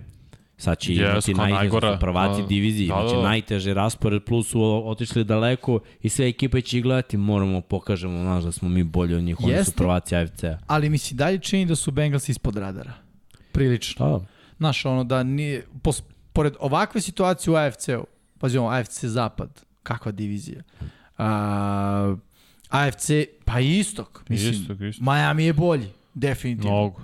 Uh, s druge strane, sever uvek čvrsto, ali ajde, neko, ne, ne mogu da vidim da u severu kao dve ekipe imaju ono po 11 pobjeda. I mislim da je sad ova situacija sa slabim Pittsburghom, no. barem na papiru, malo promenila stvari sa Clevelandom koji će biti znak pitanja opet. Tu je Deshaun, hvatačke opcije su, a, vidjet ćemo, ako dođe Will Fuller, to može da se promeni, da Pa da. kažem. Ovaj, Znamo da Jarvis neće. Da, znamo da Jarvis neće. Uh, tako da, opet nekako Bengalsi onako, tiha voda breg roni, što možda ide njima na ruku, u potpunosti, ako budu malo više ispod radara. Pričat će se više o njima svakako. Onako, kad krene sezona vidjet ćeš. Mislim, meni nekako delovalo da su ove njihove zvezde, ovi mladi momci, onako malo ušli u ono spotlight, da, da su bukvalno pod svetlima reflektora Da. I, i da ono, znaš, da, da sjaje jako. I ne mogu ja sad da zamislim Burova koji je bukvalno ono, u svojoj prvoj sezoni koji je igrao celu došao do Superbola, da će sada da bude ispod radara. Već ako odigra dobre 3-4 utakmice i baci 300-400 yardi, znaš, meni već deluje da ide nova Kajla, nova priča, Jamar Chase stavio novi grill, razumeš, nove dijama, a Ne, mislim da Burrow ne. On nije ono kao... Pa ne znam, voli, priča. voli spotlight. Jesi vidio prošle Voli, godine koliko imaš je meka. komotno u Vidi, tim situacijama? Bar- Barov Ali tome imaš meka, je on apsolutno. komotan od koleđa u tim situacijama. Jeste. I gledaj, ja nemam ništa protiv. Kao, kako ti delo ovaj momak? Kad ga pita novinar, on kaže, delo mi kao šampion države. Tako je. On, dve noći pred finale. Kao tebi, kao šta ti misliš kako tebi deluje? Dve noći kasnije dečko Tako, osvoji. znaš, zbog, zbog toga ta njegova energija, to je zarazno, to se prenosi na ekipu. Jeste. Videli smo to prošle godine. Tako da, mislim da će oni imati jednu, jednu drugu energiju, jednu drugu priču. A znaš zašto ja mislim da neće? Čime su oni to zadovoljni prošle godine? Su osvojili nešto? Ništa. Pa, Da su osvojili Super Bowl, očekivao su bih mnogo solidan više kolaps. nego što je bilo ko očekivao. Da. Ne, ne, Mnogo, jeste, mnogo ali više. e, da li misliš da su takvi egomanijaci zadovoljni drugim mestom? Ne, Ne, ne, ne, daleko od apsolutno ne. pričam. Ali opet moraju da budu malo realni, jer ovo je ipak jednako najvećem uspehu Cincinnati Bengals u istoriji Ma franšize. znam, Jeste. ali razmišljaj ovako, oni su jedan novi talas. Talas koji se zove igram da me plate. Boli njega uvo za Bengals. Veruj mi. Kao i većina ovih mladih A igrača. pazio, i timovi će biti mnogo spremni da igraju protiv njih sada. ne, ne, to, mnogo, mnogo, to o- hoće. i tape postoji i sve sada i mnogo će biti spremni i mnogo će ih ozbiljnije shvatati. Možda I- su to krenuli kasno šta- prošle sezone, ali ove ne. I šta njima ne ide na ruku, što nije puno promenjen ni napad ni odbrana. Tako? Što se tiče, sta, a, Pa što se više, tiče da. igrača, a i što se tiče stafa generalno. Što znači ono što ti Vanja rekao, ima dosta filma koji će biti isti ove godine. Mislim, sličan. Jer ono što si ti rekao, zašto menjati nešto što daje rezultate? Zaista deluje da ono kao igra Joe Barova, Dobro, ono- online je bolji, dosta. To je i tu će biti sve bolje. Ja bar očekujem. Ali igra Joe Barova, znaš, ne možda očekuješ neki, znaš, nije kao lupam, uh, kako se zove ovaj, uh, brevanja tvoj kotarvik slavi Herbert. Herbert. Herbert, gde si očekivao kao, e, ove godine sledeći korak, e, ove godine sledeći, i Herbert je posle ove prošle sezone isto meni pokazao da, ono, Herbert je sad Legit. u prajmu, već je u prajmu, to je to, i Barrow mi delo da je u prajmu. Nemam mm. neke prevelike zamerke za njega, da kažem, e sad trebalo bi da popravi ovu svoju igru, ovo nije bilo dobro, ovo, ja ga već vidim u prajmu. Za mene on sada ulazi u prime i narednih 7 godina je u prajmu. Što je ludilo jer je jako mlad. Mislim, i on i Herbert sa druge strane. Da. Pazi, ono što mene, nedelja 16, toliko brutalnih mečeva, to moram samo da spomenem. Prvo Saints i Cleveland idu u Saints i Browns idu u Cleveland. Zatim Fila Dallas, to smo rekli, Vegas protiv Pittsburgha na Heinz Field, onda na dan na Christmas Day, katolički 25. decembra, Green Bay Miami, Denver Ramsey, Tampa Arizona i Monday night je Chargers i Colts. Da, sve su dobre tekme. To je brutalna nedelja. Sve su dobre tekme. To je baš. stvarno brutalna nedelja. Do, još da ubacimo Sinci protiv Patriota na Žilet stadion. Stvarno, 16. nedelja, kad sam pregledao sve, mislim da mi ubedljivo najzanimljivije. I jeste pre kraju i sve, ali mislim da će to biti najbolja nedelja. Pa da, tako kad se uđe Ja mislim da neće, jer Mhm. to je dosta kasno u sezoni. Ne možeš baš da očekuješ da svaka tekma tu bude... Ali značaj je, je ono uvek... Jeste. Evo pogledaj posljednjih par godina. Ove dve naročito, aj prošla je baš bila. Koliko ludačkih stava. Prošla godina je bila, ono, Ludilo, ludilo. Tako je, ali gledaj koliko ludila u prvo u posljednjoj nedelji baš smo bili onako, e, pa ne može baš da se izdešava toliko čuda, Kada Coltsi će da dobiju Jacksonville, a ovo će ovo, na kraju Pittsburgh uđe u play, znaš ono, baš je bilo sve što nismo mislili da će se desiti. I u posljednje dve, tri nedelje, totalno neki šokovi, gledaj, i Ramsi su mogli, i Ramsi i Packersi su mogli izgube od Baltimore. Bilo je na jedan posjed, Da, ovo je da. bilo na konverziju za dva poena, a tipa Baltimore smo otpisali Rigro Huntley i ono, bilo nam je nema šanse i onda smo se iznenadili. I, i ovde, sad kad pogledamo ovo, naročito sa AFC-om, ja mislim da ono, može se desiti da 4-5 ekipa ima 10-7, na primjer, u AFC-u i da odlučuju Taj u tom wild cardu da je taj breaker, koliko u konferenciji, koliko u diviziji, da li imaju međusobni mm. i to, kao što je bilo prošle godine. Mislim da je to, mislim da prošle godine smo imali nerešeni, pa je to malo, Da, poremetilo. da, nije nemoguće ni ovo da imamo Da. da. nerešeni. Samo spomenim i naravno za dan zahvalnosti klasike tri meča, ba, Bills idu Detroit, Giants protiv Dallasa i Patriote protiv Vikingsa. To je ono, to je, uvek je taj treći meč zapravo dve ekipe koje nisu učestvovali. Da. Pa dobro, mislim, Patriots i Viking to mi delo kao najbolje, jer ono, Billsi protiv Detroita, sumnjam da Detroit i, i šta može u toj utakmici, Dallas Giants, mislim, Giantsi su mi nekako stalne mušterije Dallas, tako mi deluje. Jeste, ali mogu da se povampire. Da. Sa, Mislim- de, sa Denijem Dimesom. Sa Dejbolom. da, pa dobro. Ne znam, ja verujem u Dejbula, iskreno, da može da, da napravi, ali Unapredit će gledaj, sad, kad je došao Allen, on je bio onako još mlad, neiskusan, ovo već ima neke, znaš, mislim da, da, da ne može da bude ispravljen. A sad jedno pitanje, e, koji scenario zadržava Denija Dimesa u Giantsima? Koji scenario? Playoff. Samo playoff. Samo playoff. Tipa Glej, playoff 9-8, kako god playoff. Jer onda možeš da kažeš nije imao trenera, sad sa trenerom i ušao u playoff pa ima mesta za ja napredak. mislim da je to on produžetak agonije. Pa dobro, ali znaš, Sa 9-8 bi to bio produžetak. Sa 11 pobjeda neće ili biti, 10, ja bih rekao zadrži. neće biti sve na njemu, znaš, gledat će se malo šira slika. Ali mislim da će se gledati baš on. Ali- Jer već godinama je, znaš, Evo, zamisli ovo, da ima tri puta više touchdownova, jednocifreni broj interseptiona i oni imaju 9-8. On ima neki respektabilan broj yardi, tipa između 3 i 4 hiljade. To je totalno anomalija u karijeri Denija Dimesa da. I, znaš, to govori o tome da je ispravljiv, ali ja mislim da nije. Znaš, ja mislim kad ono čukneš auto i kad, ga razvališ, znaš, da, da ne može, da, kao dolazi dobar limar i Da, sad da. će on to da ispravi, zakrpi Stari i kao, znaš, pa ćemo da prelakiramo i preparamo, brate, razneo si auto i to je to. Ne može, ne može. Slažem se. Pa to isto i ja mislim. Zato mislim da bi to bila ono lažna sezona uspeha za njega. Ja samo mislim da u tom trenutku Giantsi kažu slušamo, ko je Da. očajan? Ko će trade za Denija Dimesa? Evo ga bolje. Pa dobro, eto, isto je ti Cleveland radio ovo i ko će trader za Bakera. Ako Baker nije bolji. A Baker realno da nije jeste, bolji. ali viš niko neće. Da, pa ne, neće niko i za Danny Dimesa, realno. Mislim, Pa- ne znam ko, koji bi bio toliko očajan da, da uzme njega. Neće niko ni Garopola, bre. Da. Niko nije teo da traduje. Razumeš, imaš E, a godinu znaš šta je problem Garopola? Super quarterback. Realno, to košta. Da. Znaš, Da, pritom, on je bar igrao play-off. Nije, znaš šta je je problem? Problem je što ova operacija ramena, on neće moći do trening kampa da baca. Ja mislim da, da je to dosta... Ceo život, mislim. Ne, ne, znam, ali mislim da je to dosta timova zapravo stavila, ok, pauza, kako će da se oporavi. Ajde da vidimo šta će biti posle operacije. Da. da sad je veliki rizik jer ni 49ersi nisu veverice. I oni će da kažu Super Bowl kube. Da. Daj nešto. Zadržat ćemo ga, šta je? Šta Daj nešto pipljivo. A. I niko neće dao pipljivo jer ne zna šta će dobiješ posle operacije. A, ima dosta, pri, mislim, a, budemo realni, kad pogledaš ovakvu sliku, opet je polovina quarterbackova za koje znamo, ok, može i druga polovina je veliki znak pitanja ili ko zna šta će da bude ili su klinci. Pa da. čekamo ono Potencijal, finalni pro, da. proizvod. Jo, još uvek je u izradnji. Uh, dobro, ovo što se tiče, jesmo prošli vanja od ovih grafika, sve što imamo. Da, da.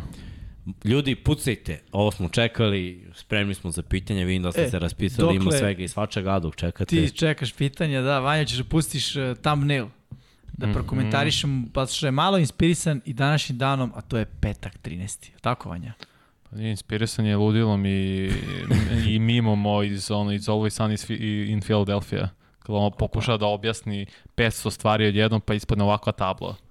I onda naravno i, iza ovo što ti računaš egzaktnom matematikom, gde stoji razne jednačine i zagrade, gde niko ništa ne da ti dođeš do tačnog broja pobjede. Excel. To je sve što ti reći. A ovaj ovde uh, pokojnik što je nacrtan. Šta e pa to je on je vezan za petak 13. A, A možda to bude Danny Dimes kao. Da, vidim i metak posle, pored njega. Pa vidjet ćemo. Ima svega. Ti si video metak, brate. Da, ovo je pravi ono crime scene investigation, brate. Pogledaj kako se da. vezuju, liko ima otisak prsta, ima ovaj neki pokojnik, ima lopta koja je u fazonu. On Pitanje ko će biti da. pokojnik. Evo vidiš ovo, 2 od 11 kompletirano dodavanja Denija Dimesa. How? Kako je fumblovo opet. Znaš i kako je opet Šta piše pored his kao njegova greška? da. Ne, piše 11.15 Izvalio PM. sam skrivenu poruku. da, da. Probali ste Vanja da je sakrijete ti Petar, ali... Ne bi da. Bogdan. A, Bogdan, okej. Okay. Ništa, ajde ovako, imamo već, imamo već neko pitanje. Ljudi, evo tu smo, pri, mislim, pri kraju šta, bit ćemo tu još pola sata, tako da još jedan like, subscribe ako niste, mogli biste i idemo. Uh, koja ekipa se najviše pojačala na draftu, a koja u free agency-u, pita Vladimir Zdravković. Uf, u na draftu Draft. ja bih rekao Baltimore. Šta sam te ja kažem, Baltimore. I rekao bih i Chiefs na draftu. Fila na draftu. Da. To je, mislim, sklop. Jeste. Kao da je free agency i draft, da. ali pojačala se Fila solidno. E sad, free agency... Da.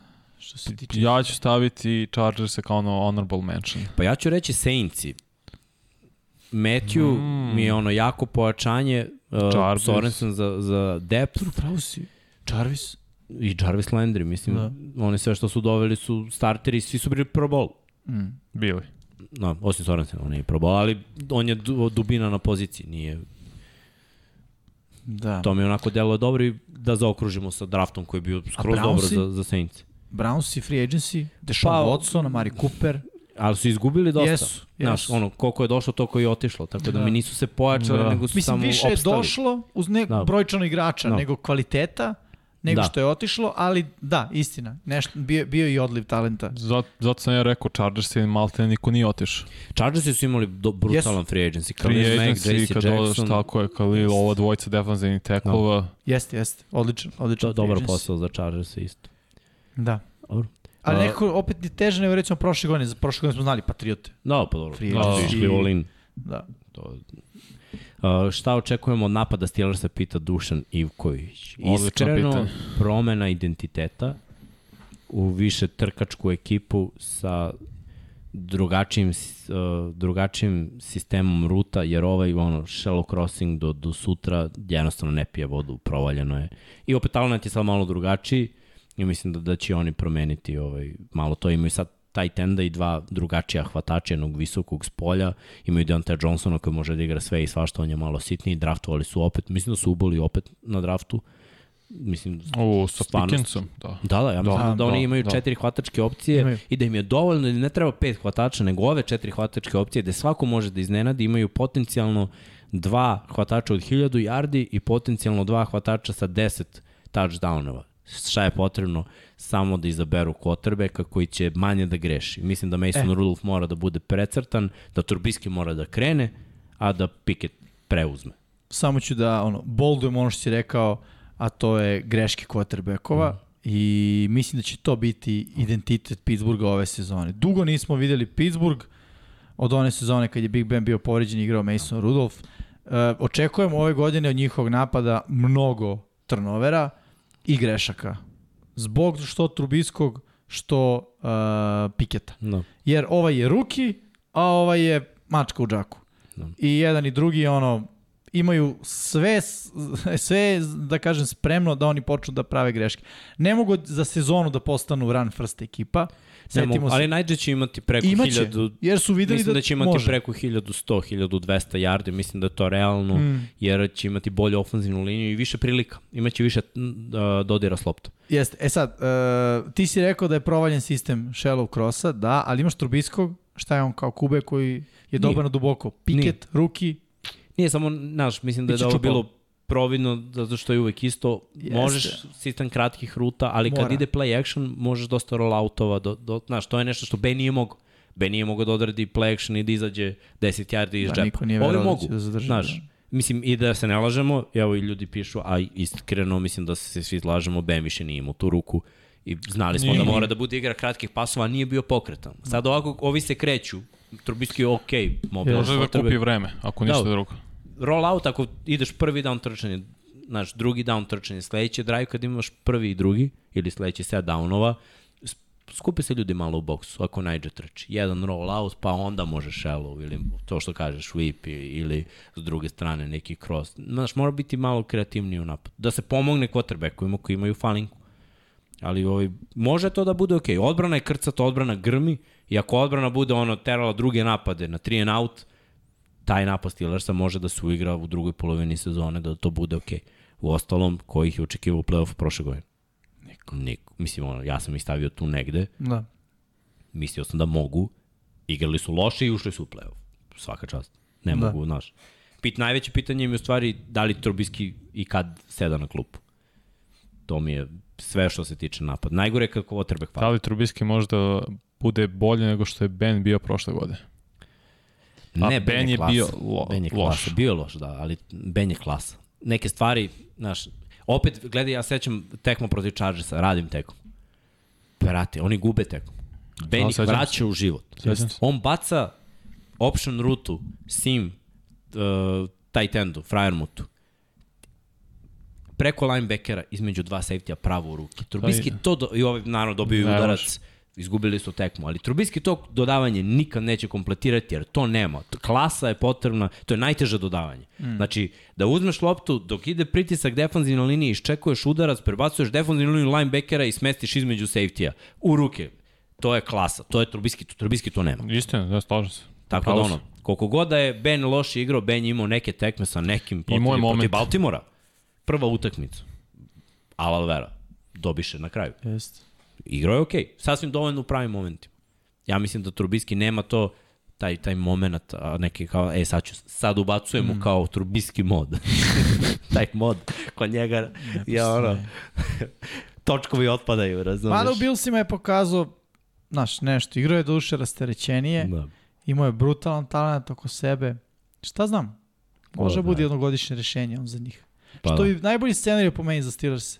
Pickett sedi cele godine, uči, a Trubiski igra i ono, tu su 8-9 ekipa, 7-10, znaš, i onda godinu dana nakon toga ulazi Piket i stvari kreću na bolje. Da, idemo, idemo dalje. Toliko pitanja ima. Rog. I malo sam scrollao pogrešno. Uh, da vidimo, da vidimo, da vidimo, da vidimo, da vidimo dalje. Može li Fields do solidne sezone, s obzirom da nema baš nikakvo oružje i skoro nepostojeće online? Mislim da će ovo biti teška sezona za Fields. Jako, ne bi, obrazlo, ne bi već znamo šta sve nema, Chicago u rebuildu. Za, za Chicago je ono što imaju u diviziji konferenciji teška priča. Da. I igrate li Madden, to je Kent Wait, drugo pitanje u nizu dva. Ja nemam konzolu da, da igram Madden. Niješ ti dođe ovde kad ti dođe da. igra. Pa dolazio sam par puta i komp je mnogo lagan protiv. Da. Ja nisam, ja nisam igrao dugo i onda sam nabavio Sony i kad sam imao koronu igrao sam nisam imao šta da radim kući. I onda sam tu malo igrao i napravio sam sebe kao quarterbacka Miami, osvojio dva Superbola. Simon, realne ocene, tipa Speed 92, kao to je Brate, nije mi trebao speed, samo sam prangijao iz džepa. Gesicki mi je bio ono MVP, bukvalno. Brate, samo ono, Napravi ti mi ovaj Wilson što trči 4-3 Jakin Grant, pošto je malo stariji men. 2020. I samo ču, ču, ču, ču. Napravi čo, čovek od Gesicki MVP. I ono, osvojio sam dva Superbola i rekao, ne igram više ovo. Kačiš kopačke oklijem. ja sam sa Brownsima osvojio, ali sam kao bio coach, nisam bio igrač. A čekaj, kako nisi birao Eagles, izvini? Ma igrao sam neki stari Meden. Za, moraš da razumeš moju logiku. Ja uzmem najgoru ekipu. Šta je to, 2017, 18? Um, 17? Da, ne, 13. Meden 2013. Imao sam Trenta Richardsona u, u, u Brownsima. A da nije tad još bio loš, tad je tek draftom. Tad je bio odličan. Da. Imao overall 90. Ja ga napumpao na 93 overall, mislim.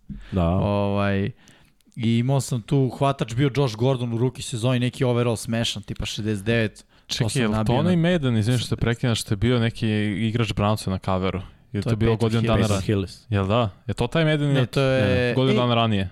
Ne, ne, to je godinu dana ranije, no. da. No, Madden što sam ja igrao je bio, jo, pojma nema, Madden 12. Pa ne, 12 je bio valjda...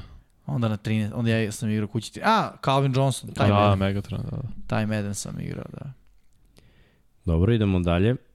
Da li mogu, ja pitam Marko Hector, da li je moguće sledeće sezone da Saints je naprave neki trade i e, za visok pik ili quarterbacka ili trade za iskusnog quarterbacka? Mislim da Saints su sasvim zadovoljni ovim što imaju Winston. Ako uđu u playoff, to je to. Mislim, izabrati mladog quarterbacka sa ovako skockanim timom je bukvalno da pogledaš ovako Camerona, Jordana, sve ove matorce u ekipi i da kažeš ne idemo u rebuild, ali možete da sačekate još dve, tri godine. Ne, njima treba neko za koga veruju da može da vaskrsne u njihovom sistemu. Oni veruju da je, Winston, mislim, 5-2 i uzmemo u obzir šta je Winston radio u svojoj karijeri. Oni veruju da je Winston taj.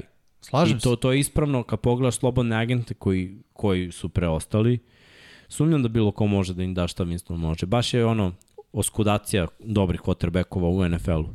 Oni su ono možda zgrabili nekoga ko je ono džoker, znaš, može da zablista, ne mora da znači Nazdrav. Neće sigurno ići na trade. Možda draftuju, ali da se razvija iza. Ne, Winston je tu dve godine sigurno. Potpisuje ugovor na dve godine, Tako zarađuje je.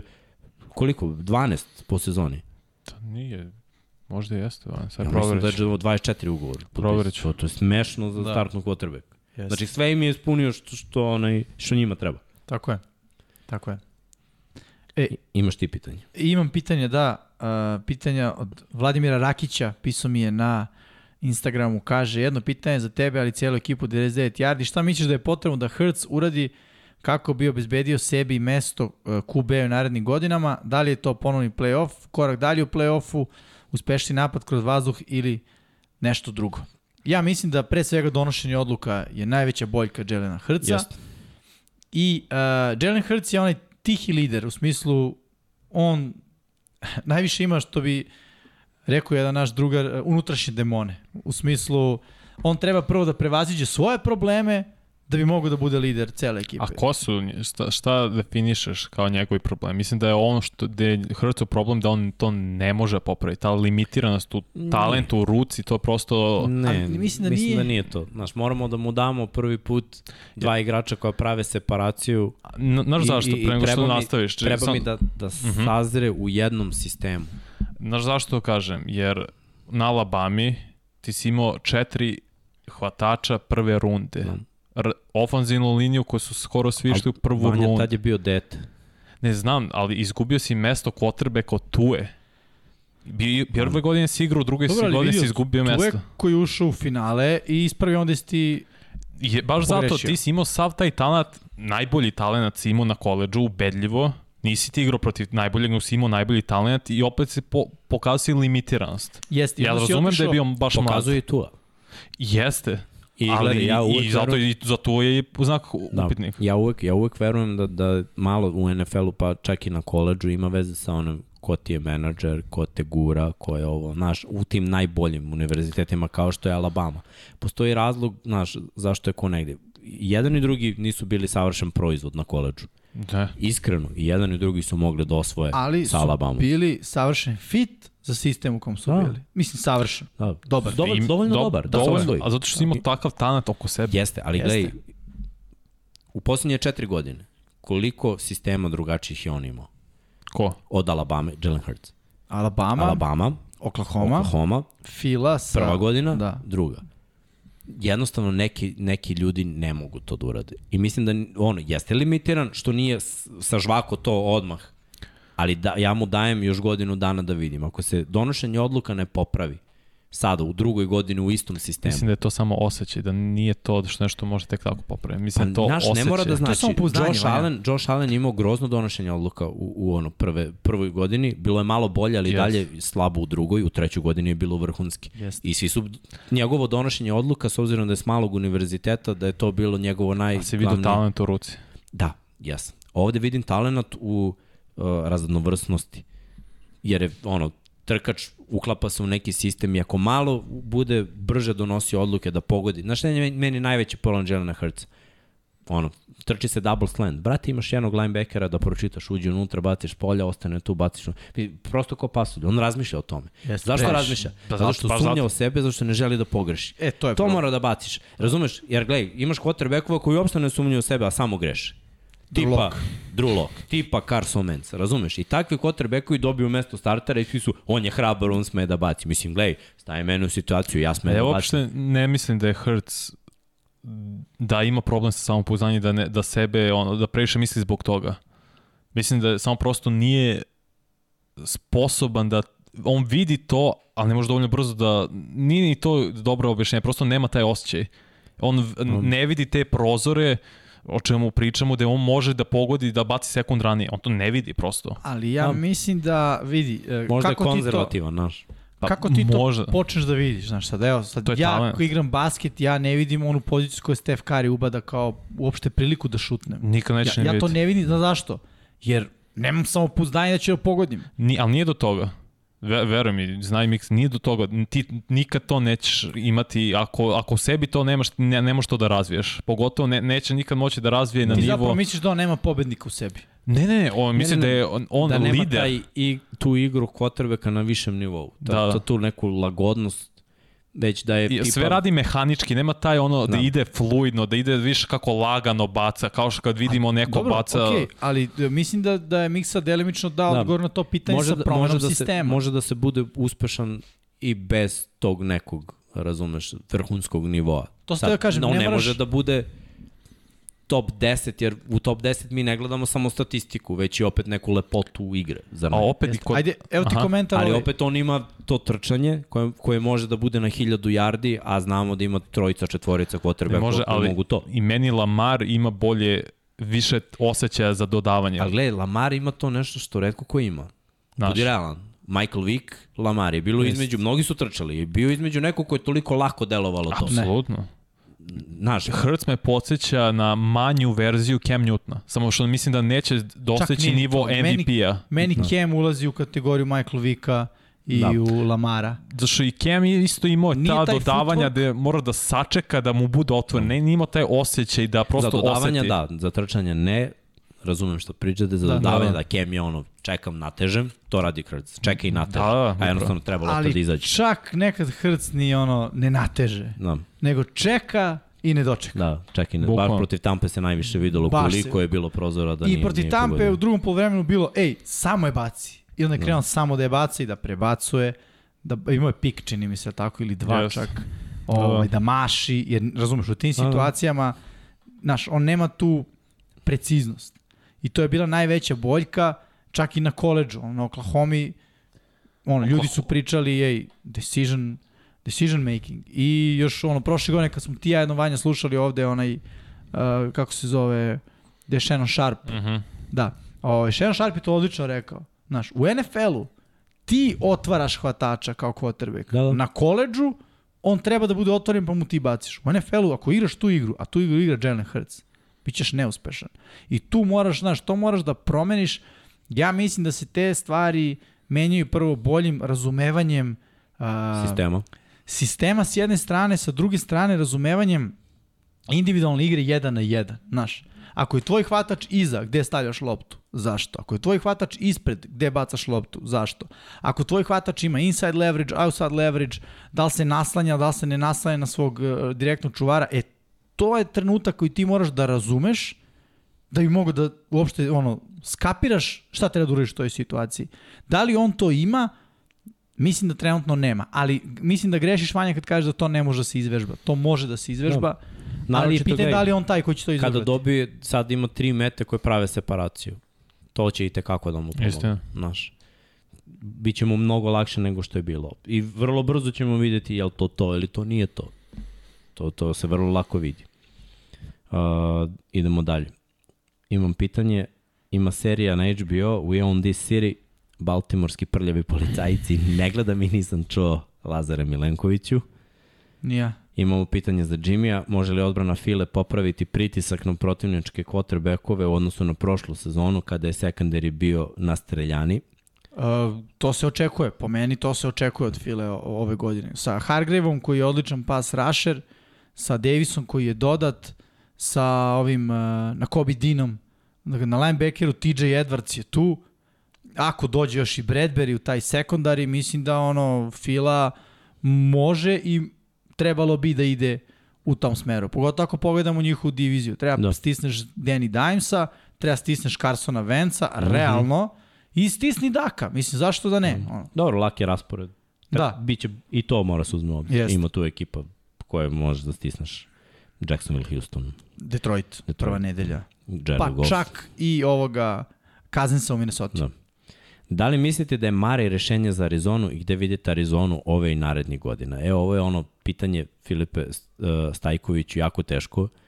Jer Arizona ga vidi kao franchise quarterbacka i čekaće da ono, svih pet godina će igrati tu i da hoće on da potpiši da neće, da hoće da protestuje i da neće, on će dobiti tag i uzeće se opcija. Exclusive ja mislim da je to sigurno, da, da. Tako da on ne ide nigde, on je pet godina, s obzirom da je prvi pik na draftu i da je Arizona već prokockala godinu dana ranije na Rosena i da je Palmer došao kod njih, ali da nisu imali od Warnera do Palmera krštenog quarterbacka, on ostaje tu. A sad gde ja njih vidim, vidim ih na kauču da gledaju playoff ili eventualno da budu one and done u playoff ako baš iznenade, jer Arizona je meni tim bez identiteta. Mare mi je quarterback koji je nikakav pod pritiskom, mislim da, nje, da visina quarterbacka diktira kako igraš pod pritiskom. On je uvek u frci kad je jak pritisak, Paničan, a u diviziju da. koju igra je uvek jak pritisak. Slažem se. To je problem. Znači, tebe čekaju ono, četiri utakmice sigurno, da 49ersi i Ramsi će ti zagorčati život. Možda dobiješ nešto, naravno. Šest utakmica su ove godine bez Deandra Hopkinsa. Problem. Treba da se uspostavi sa jednim running backom igra, sa Hollywoodom Brownom koji je nov, sa AJ Greenom koji ni, ni Star. mislim, okej, okay, ali AJ Green nije Godine, All Pro pet godina već. A, to... Tako da ono, ne vidim Arizonu u play-offu, vidim da će Mare biti tu i vidim da, da će biti težak put za njih. Ono što će odrediti njihov put je kad Rams idu rebuild. Koliko će oni da, da. drže ovaj plaćenički tim Tako. koji ide na Super Bowl. Mislim da i prošle godine bila all-in za Arizonu. I neko yes. te godine očekivali duboku playoff i kao vratit ćemo većinu. Nije se desilo, otišao i Chandler Jones, J.J. Watt je godinu dana stariji, defanzivna i ofanzivna linija, pogotovo unutrašnjost je slab, slaba, nisi to popravio, nisi imao ni kapital na draftu da to uradiš. I Oda. sad čekate dve godine da ćeš prosto biti ispod proseka ili prosečan tim ti moraš kroz draft za te dve godine da, da napraviš neki identitet što ti kažeš i da sačekaš da Ramsi spadnu, da imaš šta će biti 49 možda se u Trey Lance ne isplati. Da. Ko, ne, ne znaš, mi, ali mislim da postoji granica sa Marejom, da on ako to ne prevaziđe u naredne dve godine ti si zaglavljen s njim. Jeste, ali pazi, 49 kako god je situacija sa Trey Lance, imaju skockan tim gde fali kube. Arizona Just. nema to. Arizona je. ima problem u ofenzivnoj liniji, u defenzivnoj liniji, ima problem trenutno na, na hvatačkoj poziciji da im najbolji igrač ne igra, imaju problem u backfieldu da nemaju dubinu, imaju problem, znaš, malo po malo gledam, problemi su svuda manje više i igraju najjaču diviziju NFC-u. To, to je onako baš frka. Da. I imamo I... pitanje koje je ono usko povezano, Vladimir Zdravković pita koja tri kvotrbeka imaju najviše da dokažu ove godine. Pa baš mislim da je Mare jedan Mare, od njih, slažem da je uh, Vance. Hertz. Hertz jedan od Aha, njih, ne Vance. Vance je po meni već Gotovo. odradio svoje. I po meni isto. Ali I broj 3 je James Winston koji ima vrhunsku situaciju, dobit će ono sve bukvalno na turniru duđu da u play-off. Ovo su tri kvotrbeka koje treba da uvedu ekipu u play-off. Ne vidimo ih možda kao prvake divizije, već kao wild card ekipe, ali Evo jedno trik pitanje. A Deshaun Watson? Pa Godinu gledaj, dana neigranja, dobro, stoji, ali Nova mislim da, ekipa. gledaj, šta on može da dokaže? chosen one, pa on treba da dokaže da je sve to vredelo. Što se tiče... Ali mislim da za njega Brownsa. nije, za nije moranje toliko. James Winston, posljednja šansa. Za njega. Hrc isto. Hurts Mislim, nije De posljednja šansa, ali u ušao si u play-off. jest. Da. Znaš, jesi taj, Hmm. to ono, želimo više. Kyler Murray, prvi pik na draftu. Bukvalno. Ono, baš je... Dodat ću veterana Rodgers. Ti dve godine, da, da, ti dve godine za redom si prvi u Ne, konferenciji ne, da i dokaže više, Vanja, Ne, ja ne, mislim, znaš. moraš jedan Super Bowl, zato što popuštaš u play-offu dve godine za redom, ti sjajnu priliku pro, si prokucao. Ali evo jedno pitanje, i ne osvoji, i je li manji quarterback nego što je bio? da, Realno nije, Da, pašće mi u očima, da, Dobro, jedan? Super Bowl, Ej, mora razumeš. Vanja Rodgers, ono. jedan, Ne, ne, jeste, ali evo, jedan jedan Super Je Bowl. manji quarterback zbog toga što je osvojio jedan Super Bowl? Nije, ali Čovjek nikad neće biti u istom dahu kao Montana, kao Peyton, kao Dobro, vidi, Brady. Mnogi neće biti u tome. Ni Mislim, jeste, a u tome je stvar, ti imaš talena, pogotovo Rodgers koji je, ja mislim, najtalentovaniji quarterback ikada, ali jedan Super Bowl ti ne možeš da uđeš u tu konverzaciju nikada. Vidi, jeste. Sa koji, kojim skorom u play-offu 10-9.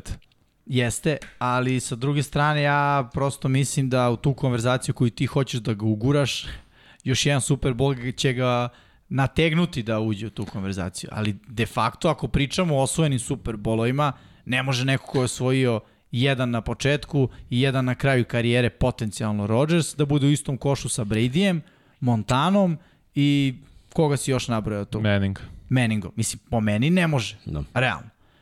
Ali ovaj, e, on može da bude kao ono, e, da ima još koju takvu sezonu možda bi, ali po meni je Rodgers daleko, barem još dva Superbola, da bi mogao da ga stavim u tu konverzaciju. Ne govorim da je Rodgers loš quarterback, ali jednostavno imaš ljude koji su ono, koji su bre franšizni quarterback, koji ne kažem da on nije franšizni quarterback, ali je imao previše prilika koje se prosto nisu desile. Zbog ovoga ili onoga. Da, ja mislim da je ovo dokazivanje više ono pitanje nekog, znaš, kad neko već misliš? dostigu neki nivo, mislim šta on može ti dokazuje samo da je ti želiš dokazivanje da je elita, Da, a da. mi ovde pričamo o dokazivanju da budeš starter. Da si uopšte pripadaš tamo Da, si. mislim, ne Da, grešiš da. ti u, u tvom Da. pogledu, nego ja mislim samo možda grešim, evo, ne znam ko je postavio pitanje, ali na šta si mislio.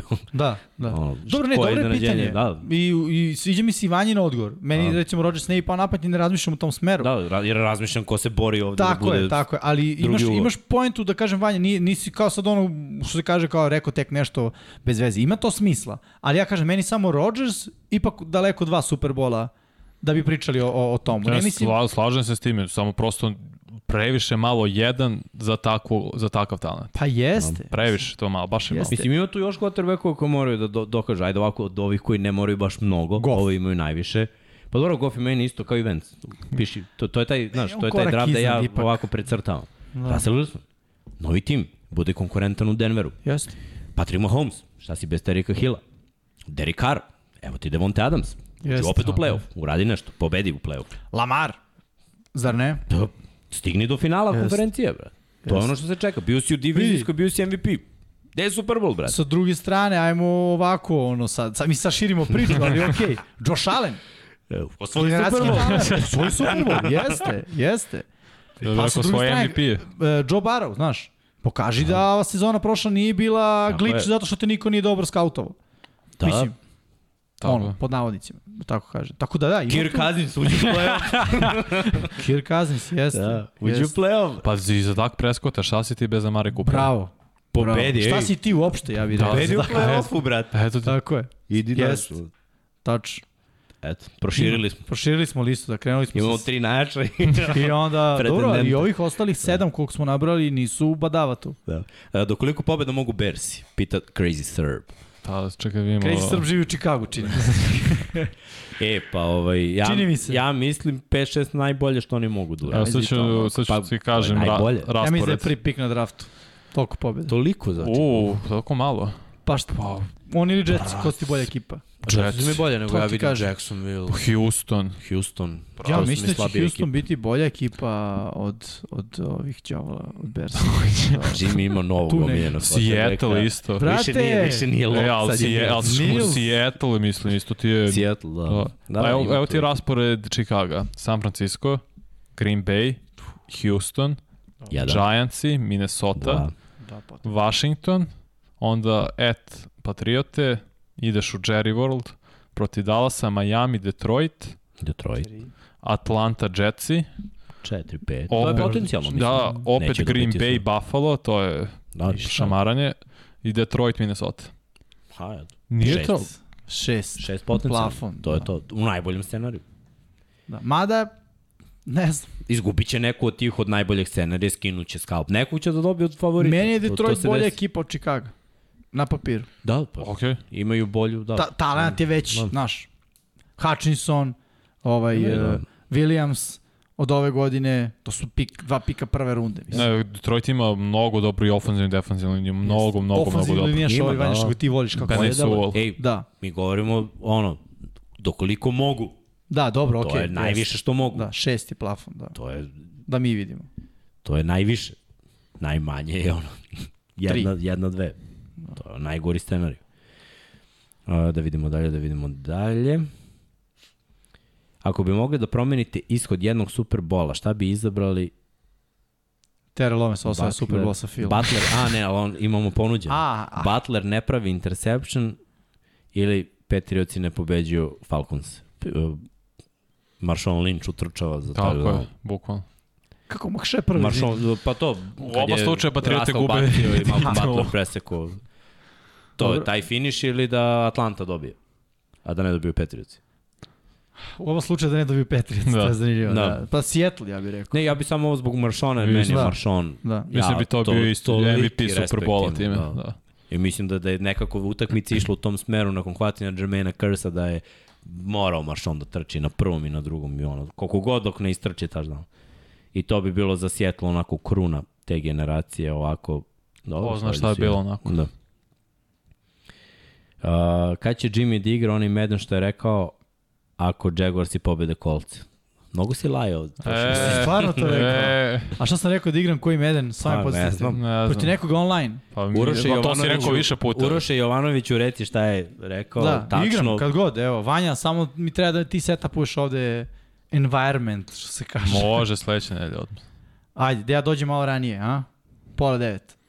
Pa dođem, mislim, u live. Uroš Ivanović, pola devet, sledeći petak. Pa nije igrać, šta, a, misliš uživo da dođe i Uroš? Pa ne, igramo online. Pa ne znam, čekaj da vidimo šta je, šta je Jimmy Mislim, rekao. ako je ne- online, onda ćeš igrati u live-u online protiv Uroša. A ne mogu, zašto moram da gledam ovaj TV koji mi onda okrećem... Ne, ne, sedit ćeš ti ovde na zeleno, vidiš da brineš. A moram da se okrenem na TV gde mi je live. Ne mogu da gledam ovaj TV koji kasni sekundu i ćemo. onda... Ajme, Ajme, to je najmanji problem. poene. To je najmanji problem. Sve ćemo ti se, ne obrineš, nećeš izgubiti. Okay. Čak ćemo namestiti nešto.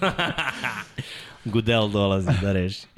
Uh, da vidimo da ovde ima sad dosta tu priče o tome da li Pickett mora, ne mora da igra u ruki godine, iskreno može da čeka, nema potrebe da, da ga baci. Ja mislim da dokle Trubiski ne pravi gluposti, on igra onda kad napravi glupost. A da, Da Tomlin je Big Bena čim su ga draftovali ubacio u priču. Tako? Je O, Tomlin Big bio Ben je igrao pre nego što je Tomlin bio. Da, Da, da, to je bio ovaj, kako se zove, kao. Kao. Kao. kao da. Koliko će koštati sledeće godine Game Pass, pita Marko Hector, nemam predstav. Sve skuplje i skuplje. Ali kaže imali opcija i da li se isplati po vama, iskreno, pošto ja samo to gledam, meni se baš isplati. Ali ovaj... Ja bih ovako rekao, pođite od toga koliko vremena imate Da. da gledate Game Pass. Ako imate vremena da odgledate dve, tri utakmice ili eventualno Red Zone, nije loše. Ja mislim da postoji opcija čak i da se kupi samo Red Zone. Mislim, Mislim da da postoji da. ta opcija. Ali ako imate i volje i vremena da analizirate dublje utakmice, gledate Coaches film, da gledate ono Game in 40, što radi miksa svaku utakmicu u 40 minuta. To je najbolja stvar koja po mom mišljenju postoji. Znači umesto highlightova koji traju 15 minuta, na, a ne vidite ništa, vidite samo dobre stvari. U 40 minuta se vidi svaka ak- akcija, svaki Jeste, snap. to je genijalna I stvar. dobro i loše, prvi, drugi, treći dan, znači bukvalno se vidi sve i specijalni tim i sve. Da, Tako da ono, to je nešto najbolje što sam ja ono, video otkrio i to mi je ono. jeste. A mislim da je oko vremena. 200 dolara godišnje. Da, da. Tako Mislim, da, Ili gledaj, ljudi, Podelite. nađite, nađite nekoga i podelite. Znači, kao što smo mi to uradili. da, pa, ne, vas desetorica, to je po 20 Sad ne dolara. znam da li može 10 različitih akaunta u isto vreme da se Pa ne verujem, ne iskreno, može. mislim da može 2, 3 max, Da, ali ono, da može nećete pet. svi u isto vreme da gledate svakako, Pa da. tako da nađi petoricu, štoricu i to je to. Evo ga Ilija sav srećan sa Da. Pro Football Focus elitnim pasom. Lazar Andrić pozdravlja nas, mi odpozdravljamo. Kaže, nisam od početka pratio, pa ste možda i pominjali. Šta mislite, hoće li Packersi potpisati još nekog hvatača od preostalih slobodnih agenata? Nismo pričali o tome. Uh, mislim da bi mogli to da učine, ali pitanje je ko odgovara njihovom sistemu. Uh, već su doveli Semija Watkinsa i Koba, to su ti veterani od kojih ne očekuju mnogo i onda mi nema smisla da dovede još neku koji u tom fazonu. Da Ali bi da. meni Cole Beasley, ja bih volio da ga vidim u Packersima, iskreno. Pa, ako ništa drugo, on bar igra sve utakmice, za razliku od ove dvojice. Da. Tako da to je nešto drugačije što on može da, da ovaj, doprinese. Mislim da Beasley trenutno nije popularan zbog svog stava prošle godine. To je da. ne stava pa nije ni na tu... Da, ali ne, pazi, ne stava na tu temu, nego stava ne, koje pokazuje da mu ume da bude neposlušan. I sada NFL vlasnici, znaš, imaš veterana koji dugo u NFL-u ima neku neku moć, je tako, veteran je. Solidnu karijeru. Šta će ti on sad u ekipi, znaš, prošle godine za ovo se pravio pametan, ko zna šta će se pravi pametan sledeće godine. Tako da mi ne bi mi iznenadilo da on bude nepotpisan do nekog momenta kada Packersi, ne znam, ono, Cobb se povredi out for season i onda kao, ajde daj Bizlija. daj. Otišao sam jedno 5-6 nedelja u sezonu. Ej, pa, to je vrlo verovatno, ne samo za njega, za Hulija i za još neke. Da. Neko se povredi, nek dođe, dođe ovo. Da. Ili, znaš, ono, Ajde da vidimo da li ide ovako. Ne ide posle dve, tri nedelje, tri utakmice, ono, kreneš loše, ne ide ti da. igra pasom. Mora dođe neko. Yes. Kogod. Znaš, to, to mora da se vidi. Plus povred. Vidim, vidim. Samo pitam.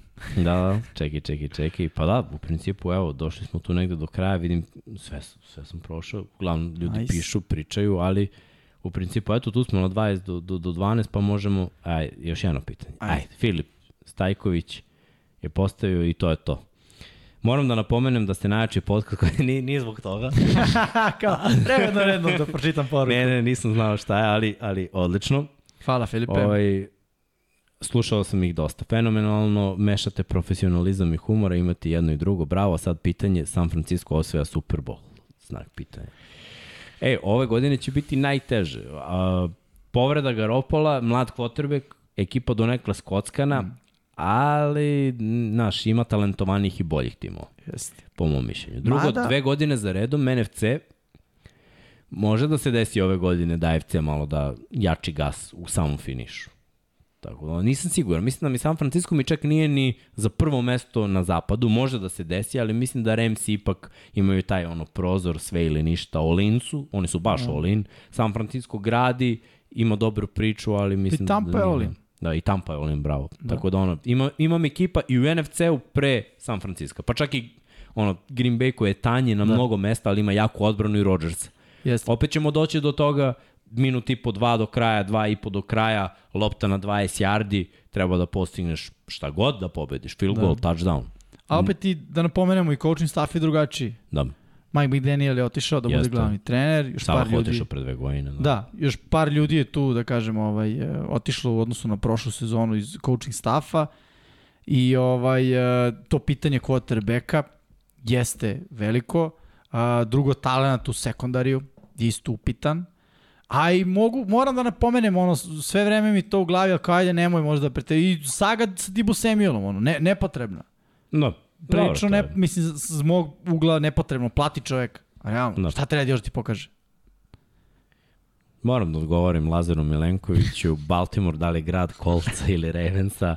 Baltimore je grad uh, Ravensa trenutno, ali za, za one starije i Kolca. Mislim, Milej, uvijek sam govorio Johnny United koji nije teo da ode u Indianapolis tamo. Znači, nisam igrao u Indianapolis, ja sam igrao za Kolca, ali u Baltimore. Da. Tako da verujem njemu. Mislim, ja nisam doživio tu eru. Tako da moram tako. Pozdravljamo vas sve super je bilo, stvarno ste ispratili ovo, hvala za lajkove, hvala, hvala za subscribe-ove, za svu podršku koju nam uh, pružate. Evo još jednom da, da ponovimo najveće što se desilo da su Saintsi potpisali Landry i to tako je u podcastu, vi ste to lepo ispratili kao i mi, pričali smo malo o tome, prošli smo kroz raspored, za sva pitanja koja imate, ako odgledate ovo naknadno, postavite ih, odgovarat ćemo na njih. Uh, opet uh, pozdrav za sve naše koji su u klubu, uh, kako svetioničara je tako, koji su da. joinovali za sve patronaše i imamo video, Vanja. Im. Da pustimo na kraju video, uh, čisto kao znak zahvalnosti za, za sve što podržavate, za sve što radimo. Biće inovacija, biće raznih stvari koje imamo u planu. Malo smo odložili ovih uh, top 10 linebackera, to ide sledećeg petka, nadamo se da će Istrki do tada da ohladi gume I pa da ćemo se družiti. Da najavimo da u junu nešto planiramo malo da se kako to Nema to kao Srki da radiš. Da, bolje ja, moram, moram da to jače od mene. A neću da kažem šta je. To jače i od njega. neću da kažem šta je, ali planiramo, eto, neko ostane na nivou. A zašto bi ti kupio ovaj tiket? to je jače od mene. E, planiramo da u junu ovaj, uh, malo ubacimo neki novi segment. Mislimo da će vam to biti zanimljivo jer je nama bilo zanimljivo, onako prilično spontano cela ta ideja oko tog novog segmenta ovaj, se nekako implementirala ali e, neka to i dalje ostane na nivou da planiramo, trudimo se da inoviramo, a za to vreme Vanja puca i Patreon. Poseban pozdrav za naše pokrovitelje na Patreonu, patreon.com kroz Infinity Lighthouse, a naši pokrovitelji su Sava, Toni Ruščić, Ruščić, Mario Vidović, Ivan Toškov, Stefan Dulić, Marko Bogovac, Ozren Prpić, Marko Mostarac, Nikola Grujičić, Aleksa Vuče, Zoltan Mezej, Zoran Šalamun, Miloš Banduka, Laslo Boroš, Đorđe Radović, Ivan Simeunović, Mihajlo Krgović, Grgo Živaljić, Nikola Božinović, Monika Erceg, Omer Kovačević, Filip Banovački, Miroslav Vučinić, Predrag Simić, Žorž, Stefan Vidić, Mlađan Antić, Jelena Mak, Mladen Krstić, Marko Ćurčić, Milan Nešković, Ivan Maksimović, Bojan Mijat, Mijatović, Petar Elić, Stefan Prijović, Nenad Simić, Luka Savović, Andrej Božo, Boris Gvozden, Boris Golubar, Zorana Vidić, Luka Manitašević, Ljubo Đurović, Borko Božunović, Đorđe Andrić, Aleksandar Gošić, Mirjana Živković, Nemanja Miloradović, Miloš Vuletić, Vukašin Vučenović, Zoran Cimesa, Miroslav Cvetić, Marina Mihajlović, Veselin Vukićević, Jelena Jeremić, Antonio Novak, Stefan Milošević, Nikola Stojanović, Jasenko Samarđić, Mihovil Stamičar, Stefan Nedeljković, Zoran Majdov, Josip Kovačić, Lazar Pejević, Benjamin A, Nemanja Jeremić, da žena ne sazna, Boris Kunrić, Tijena Vidanović, Stefan Ličina,